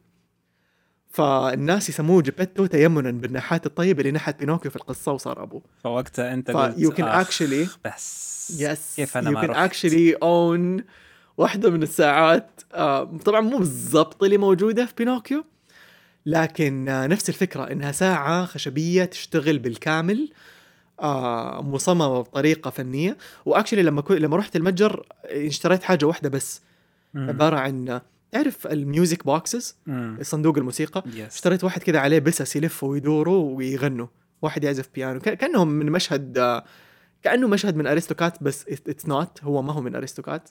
بس كذا عجبني قلت okay ما ما. ما لقيت. عنده صندوق الملكة من فيلم سنو وايت في وضع قلبها في هذا في هذا الصندوق. والله في أشياء مرة كثير لازم لازم وسيم لازم يوم من الأيام يعني نروح نشوفه هناك لأنه المحل متروس خشب طبعاً. منحوت وكله أشياء أصلية وفي منه قطع معينة يعني ما مو إنه هذا والله mass production لا يمكن في بس ألف قطعة من هذه الحبة من هذا التصميم. أنا تخيل. بروح أحجز لي ليلتين هناك كانها فندق مرة. أقعد بس هناك أشوف الأشياء كذا وأقول له تفضل هذه أجر الليلتين يلا bye.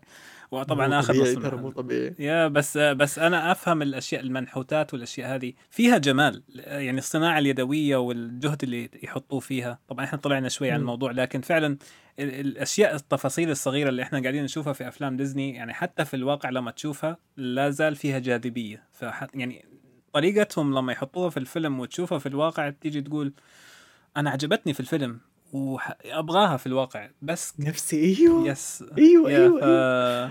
تنفع منتجات بالضبط. مرة تنفع ينزلوها منتجات بالضبط فهذا هذا اللي أنا حبيته في هذا الموضوع فماذا في حاجة بس أخيرة أبغى. أقولها عن موضوع الممثلين الصوتيين لأنه yes. هذا يعتبر يعني كنز من كنوز فيلم بينوكيو اللي هي فيه ممثل صوت يعتبر في في دائرة ممثلي صوت أو في محيط ممثلي صوت نجم من نجوم العالم.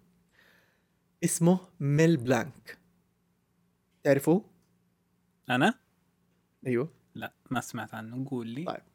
ميل بلانك هو أشهر ممثل صوت في التاريخ لأنه اشتغل مع وارنر براذرز آم كان يشتغل معاهم بعد ما سوى بينو... يعني بعد ما اشتغل في فيلم بينوكيو.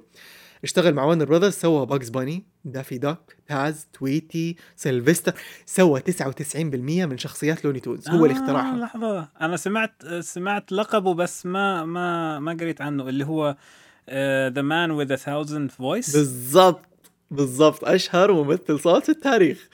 فهذا اشتغل في فيلم بينوكيو وكانوا معطينه شخصية آه، آه، جيديون اللي هو مساعد Honest John أو بالعربي دويهي.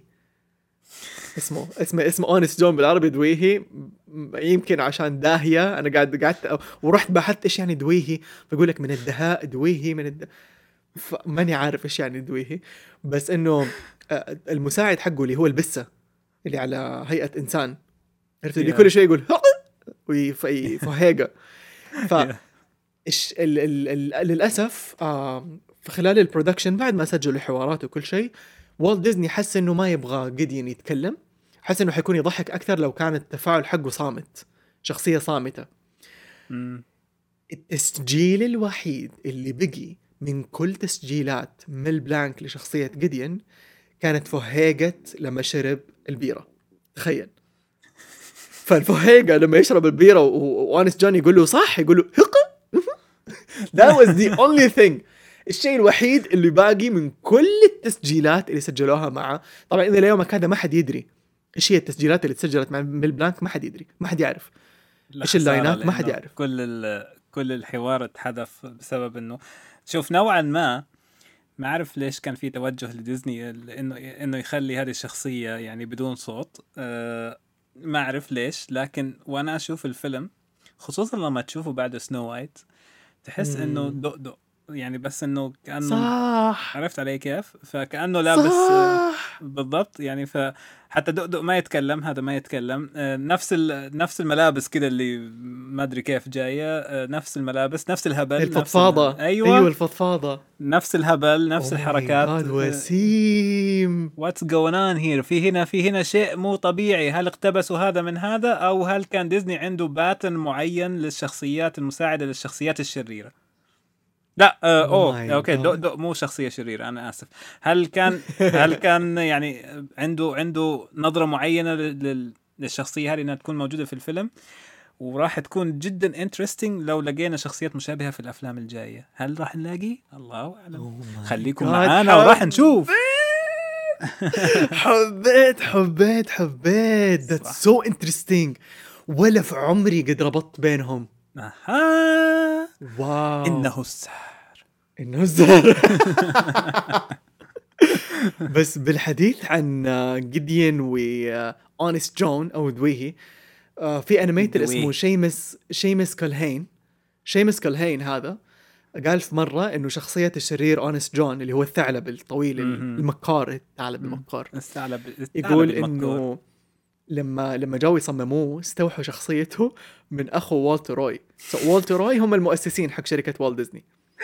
أخوهم الكبير طيب اسمه راي كان يشتغل في آه آه قول معايا اللي هو تأمين السيارات. yes طيب وكلنا نعرف تأمين السيارات يعني وراهم دائما شوية نصابين. فهو كانوا يشوفوه كنصاب ويقولوا يقولوا لما يخش علينا كده الاستوديو ما له علاقة فينا ولا بس داخل استوديو أخوانه. ويتمشى في في الردهة أو في الأسياب يعني وفمه سيجار مرة غالي ويقول يقولوا طريقة كلامه حتى لو قال good morning الطريقة اللي يقول بيها good morning تحس إنه أنت إيش تبغى مني؟ لا تأذيني. تحس تحس إنه كأنه كأنه بيخطط لحاجة كأنه يعني بيخطط لكمين يجي يقول لي صباح الخير أفتش جيابي أو لا هذا اخذ بالضبط بالضبط بالضبط. سرق مني حاجة سوى حاجة إيش يبغى؟ هو بس بيقول لك good morning بس سبحان الله سحنته غير مريحة. ما يقول يقولوا ما هو مريح.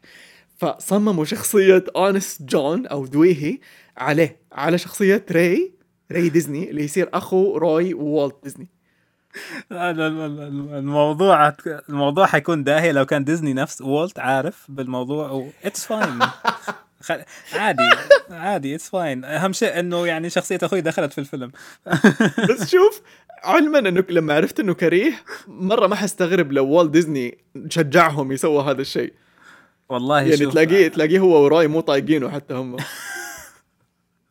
حطوا أخوي حطوا شرير حطوا كذا. بس على على سيره طاري الأخوان. لا قول لي قول لي أنت بدنا نحكيك حكاية مرة cute okay. مرة ع- cute. على طاري الأشرار كنت أقول إنه في في هذا الفيلم بالذات لما تبدأ مع الثعلب وال والدويهي ما أدري إيش اسمه الثاني. بسة. البسة. أه تحس إنهم أشرار. فجأة تروح لسترومبولي تحس إنه أشر منهم. بعدين ترجع. لهذولا. أه تحس إنهم هم الأشرار. بعدين فجأة ياخذوا ياخذوا بينوكيو لل للثالث هذا اللي ياخذه للجزيره ف- الكلب هذاك. فتحس إنه كل واحد أشر من الثاني إلين توصل للحوت الحوت ممكن يبلعهم كلهم ويقول لهم السلام عليكم ويمشي عرفت كيف؟ اللي يعني تحس إنه كل واحد أشر من الثاني. فهذه هي هذه من الأشياء اللي فعلا لفتتني في الفيلم إنه طيب يعني اللي قلت لك إياه في البداية. طب ليه؟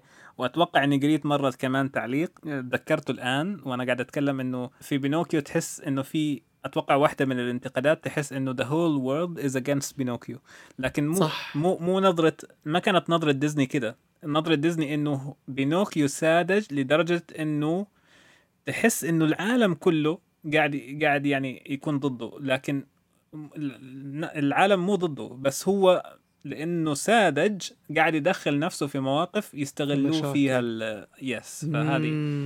هذه أنا بالنسبة لي راح أختم هنا. أنت بالنسبة لك قلت لي في على طاري الإخوان أبغى أعرف الآن. لا أنا عجبني عجبني حديثك عن ال- الاشرار آه، لأنه الحوت اللي في النهاية مونسترو yes المشهد المرعب حقه والت ديزني بنفسه كان مصر إنه يوصل مشهد لمرحلة رعب عالية في ال animation والإخراج والموسيقى. لأنه بعد اللي صار في سنو وايت لما كل الأطفال يعني بللوا سراويلهم في المشهد حق تحول الساحرة حق تحول الملكة في أطفال بللوا سراويلهم في السينما. أكيد تخيل، كان مرعب مرعب للكبار كيف الصغار يقول لك يقول لك وهذه ما هم متأكدين من حقيقة الموضوع بس يقولوا إنه في سينمات كانوا يحطوا زي زي المرتبة فوق الكراسي لما يعرفوا إنه في طفل داخل. عشان عارفين عشان عارفين انه الطفل حيبلل سرواله في المشهد. فصاروا يجهزوا نفسهم إنه ما يبغوا كراسيهم تتوسخ. ماني متخيل أوكي كده. ولدكم فين حيجلس؟ يا. نحط المرتبة. يلا تفضل. يا ولد! Yeah. فمن هناك. عذرا على الح- على الكلمة تخيل- عذرا على الكلمة. لساني. تخيلوا إنه يعني السينما أوه حينعرض عندنا سنو وايت. okay لبسوا كل الكراسي بلاستيك. okay. أبغى أشوف ولا كرسي. أرضية ال- الصالة نفسها بلاستيك. okay؟ صفر صفر صفر صفر على الأرض. فكان يبغى يوصل يوصل ال- ال- الرعب حق المشهد حق آه، الحوت مونسترو إلى هذا ال level. ونجح. يعني هو ترك مع إنه نجح بس قبلها وصل. أنا أنا ال trauma حقتي مع, مع فيلم بينوكيو جات لما لما هذاك الولد الثاني اسمه اسمه شقاوة بالعربي ما أعرف اسمه بالإنجليزي Yeah. اللي هو اللي اللي علم بينوكيو كيف Yes. يدخن وعلمه يش- يشرد من المدرسة وعلمه لما كان يتحول حمار وماسك إذنه ويصرخ ماما ماما Yes.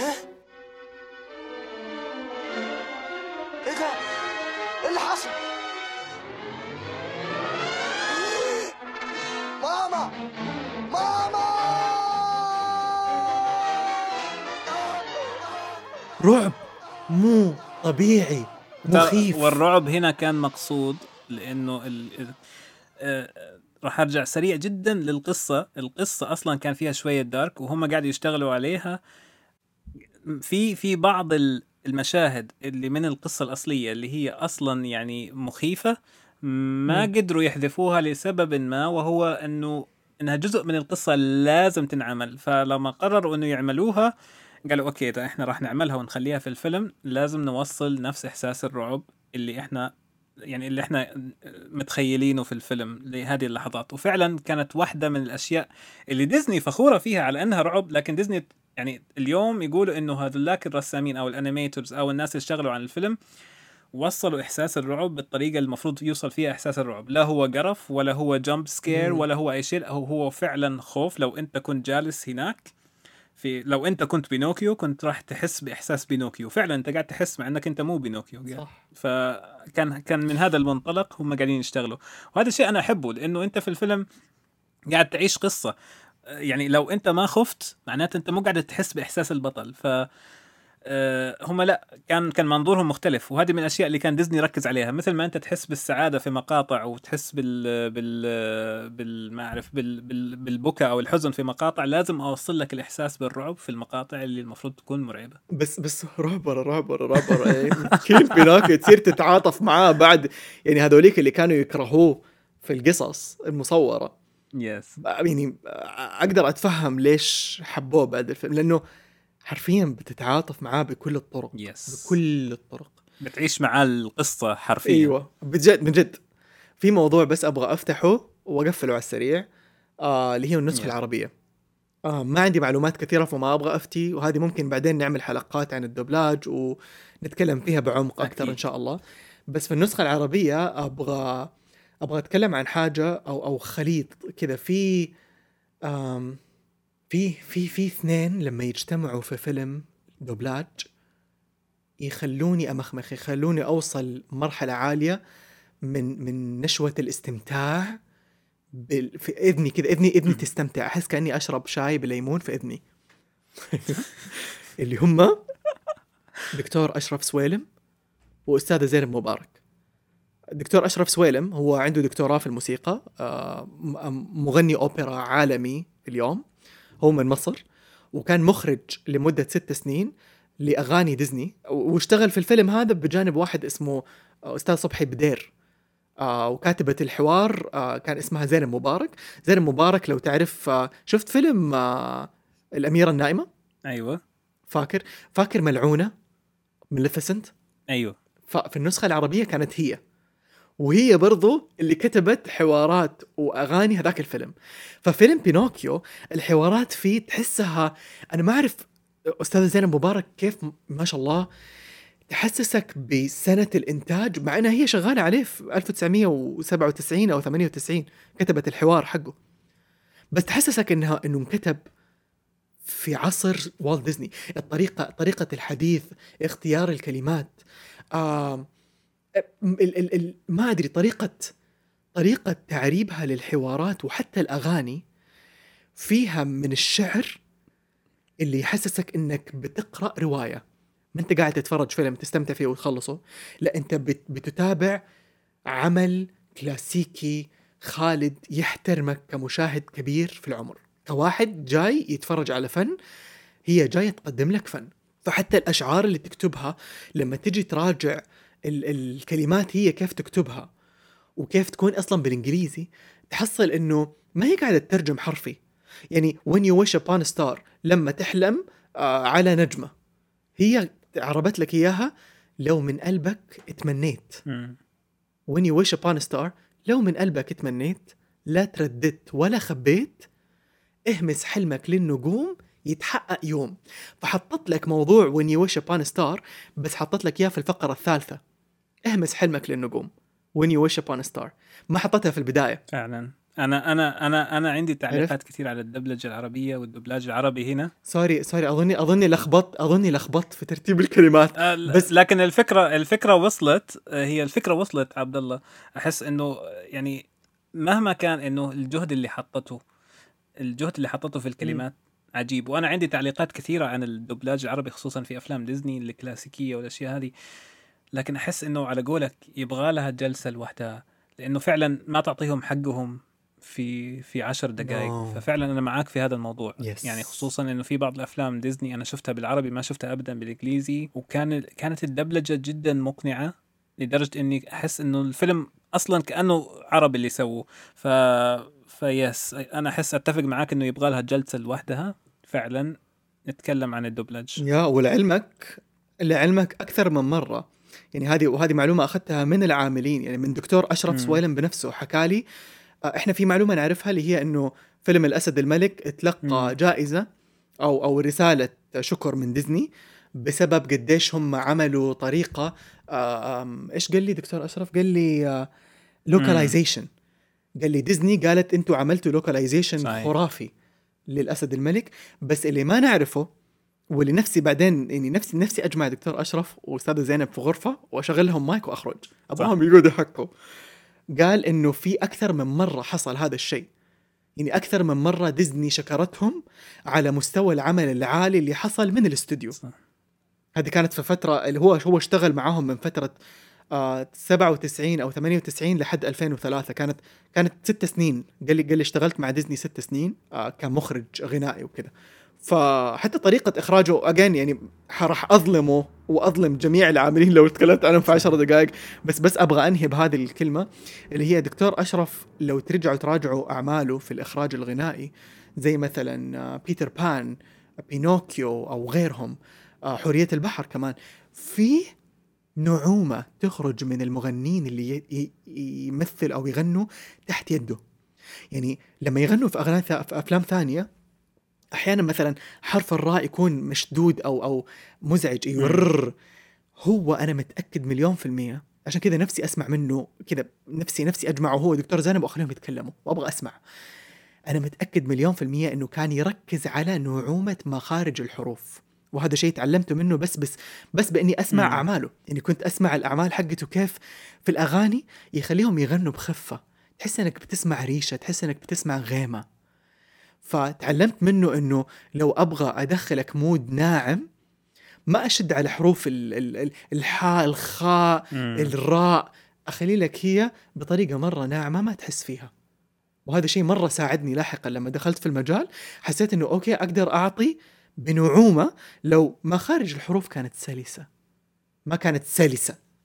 مم. فهمت الفرق؟ يس فمرة مرة أتعلم منهم ومرة يعني اكن لهم كل الاحترام وأعتبرهم من الناس اللي أسسوا جيل كامل.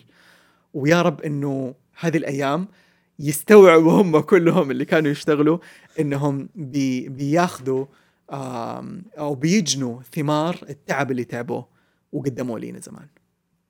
فعلا فعلا. وإحنا نشكرهم من هذا البودكاست جدا لأنه شغلهم فعلا شيء نقدره. وإن شاء الله يا رب يكون عندنا فرصة ونتكلم عن عن هذه الأعمال تفاصيل زيادة ونعطيهم حقهم فعلا من من الشغل والتعب اللي أعطونا إياه وشفناه في في الأفلام اللي اللي عربوها لنا يعني لأنه فعلا يستحقوا التقدير يعني من جد. يا رب. في حكاية أخيرة قبل لا نخلص الحلقة. أبغى هيا أحكي لكم إياها. تعرف مين أول شخص سمع قصة بينوكيو خلال فترة الإنتاج؟ غير الناس اللي عاملين في الاستوديو؟ no طيب والت ديزني عنده أخو اللي هو روي روي. ديزني. روي اسمه روي O ديزني. عنده مم. ولد اسمه روي E ديزني. هو مرة يحب نفسه لدرجة سمى ولده عليه. روي E ديزني هو اللي لاحقا مسك إدارة الشركة أو مسك جزء من الإدارة في الشركة.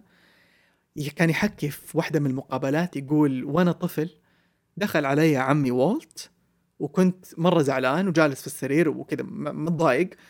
قام جلس على طرف السرير. ضارب بوز. ضارب بوز زي آه، فيجارو. يقول جلس جلس على طرف السرير قال له أحكي لك حكاية؟ قال له حكيني حكاية. قال له okay إحنا شغالين الحين على فيلم اسمه بينوكيو حكايته عن ولد يبغى يصير ولد حقيقي وبدأ يحكي الحكاية كلها. فروي E ديزني ولد روي O ديزني ولد أخو والت ديزني كان أول طفل عرف حكاية بينوكيو بالكامل من عمه من لسان عمه والت ديزني ولهالسبب في هذاك الوقت. فك البوز وصار مبسوط لا بس لا بس يعني هو جدا محظوظ لأنه عمه أول شيء وثاني شيء إنه فعلا هو أول واحد سمع الموضوع. ف يعني أنا أنا مبسوط إنه ابن أخوه اللي اللي كان يعني من نفس العائلة يعني فشيء جميل وقصة لطيفة عن إنه مين أول واحد عرف طبعا ما أعرف هو مو أول واحد شاف الفيلم لكن أول واحد سمع القصة. وسمعها من Yes. وولت بنفسه أول طفل أول Yes. طفل. وسمعها من وولت بنفسه لأنه لما يقول لك لما وولت يحكي القصة كأنك قاعد تشوف الفيلم. وكذا نقدر نختتم حلقتنا بهذا اللطف اللي طلع من روي E ديزني مع عمه والت ديزني. آم، سؤال سؤال وسيم. مين أكثر شخصية تحبها في فيلم بينوكيو؟ آه، فيجارو. آه! لا هو جدا أنا احب أحب هذه الشخصية. شوف الف... ال- الوحيد اللي لو قالوا لي بتسوي عنده فيلم قصير أقول لهم okay ما عندي مشكلة. بس لا تخربوا بالله خلوا نفس الشخصية. هم غيروه شوية الحين لما خلوه مساعد ميني ماوس. صار هو ال- البسة حقت ميني ماوس. ما ما صار هو نفسه. ولبسته في في يونكة ومدري إيه. مرة ما هو فيجرو المشاغب الولد لا المشاكس. مو هذاك الدلوع. لا. وأنت مين شخصيتك المفضلة؟ بصراحة أحس ممكن أختار جيميني. بعد ما قرأت قصته حسيت إني كذا احترمته مرة احترمته كشخصية. جيميني good good ليل. إنه إنه هو صوت الضمير. جيميني يعني- الصرصور. جيميني الصرصور. جيميني صوت الضمير يعني حسيت استوعبت قديش شخصيته مهمة. مو بس لأحداث الفيلم لكن لمملكة آه، أو إمبراطورية والت ديزني نفسها كشركة. مرة مهم إنهم يعني they uh, they create something for him. يخلوه يعني هم عاملين تنة ورنة إنه هي اللي ماسكة لأنه هي الساحرة وكذا هي اللي ماسكة ال- السحر في الموضوع. yes. بس أحس شخصية جيميني له دور أساسي لأنه هو صوت الضمير الأول في أفلام لا. ديزني. طيب أنت مو ملاحظ إنه بما إنه هو الصوت الضمير فهو صار صوت شركة ديزني؟ بينما تينكر بيل هي بس اللي ماسكة العصاية هي مو قاعدة تغني ولا أي شيء ولا أي ما, لها يعني ثيم الثيم الأصلي حقه هو هي بس تيجي وتقول تين وتروح. بس خلاص خلاص. التفكير. بس يا I would I would choose صراحة جيميني جود ليل أنا خطر على بالي لكن فيجارو يعني أنا معلش cute إيوه فيجرو cute فيجرو cute مرة cute معلش. مره مرة cute وحقيقي. كذا تحسه فعلا حقيقي. yes بس شاركونا أنتم قولوا لنا مين شخصيتكم المفضلة من فيلم بينوكيو وقولوا لنا ليش. بس فين يقدروا يلاقونا يا وسيم؟ يقدروا يلاقونا على مواقع التواصل الاجتماعي اللي هي على الانستغرام وتويتر. وين تاني؟ تيك توك. والتيك توك. بلاش إيش إيش. اسمنا عبد الله؟ اسمنا على مواقع التواصل الاجتماعي ديزني fan POD تقدروا تلاقونا شاركونا كل اللي في قلبكم قولوا لنا إيش الأفلام اللي تحبون نتكلم عنها وإحنا آذان صاغية. وكمان تقدروا تراسلونا على الإيميل على ديزني فان ارابيا at gmail.com والحين وقبل ما نسيبكم للحياة نقدر نقول لكل واحد فيكم أحلم وآمن بحلمك. خليك جريء وراح تشوفه يتحقق.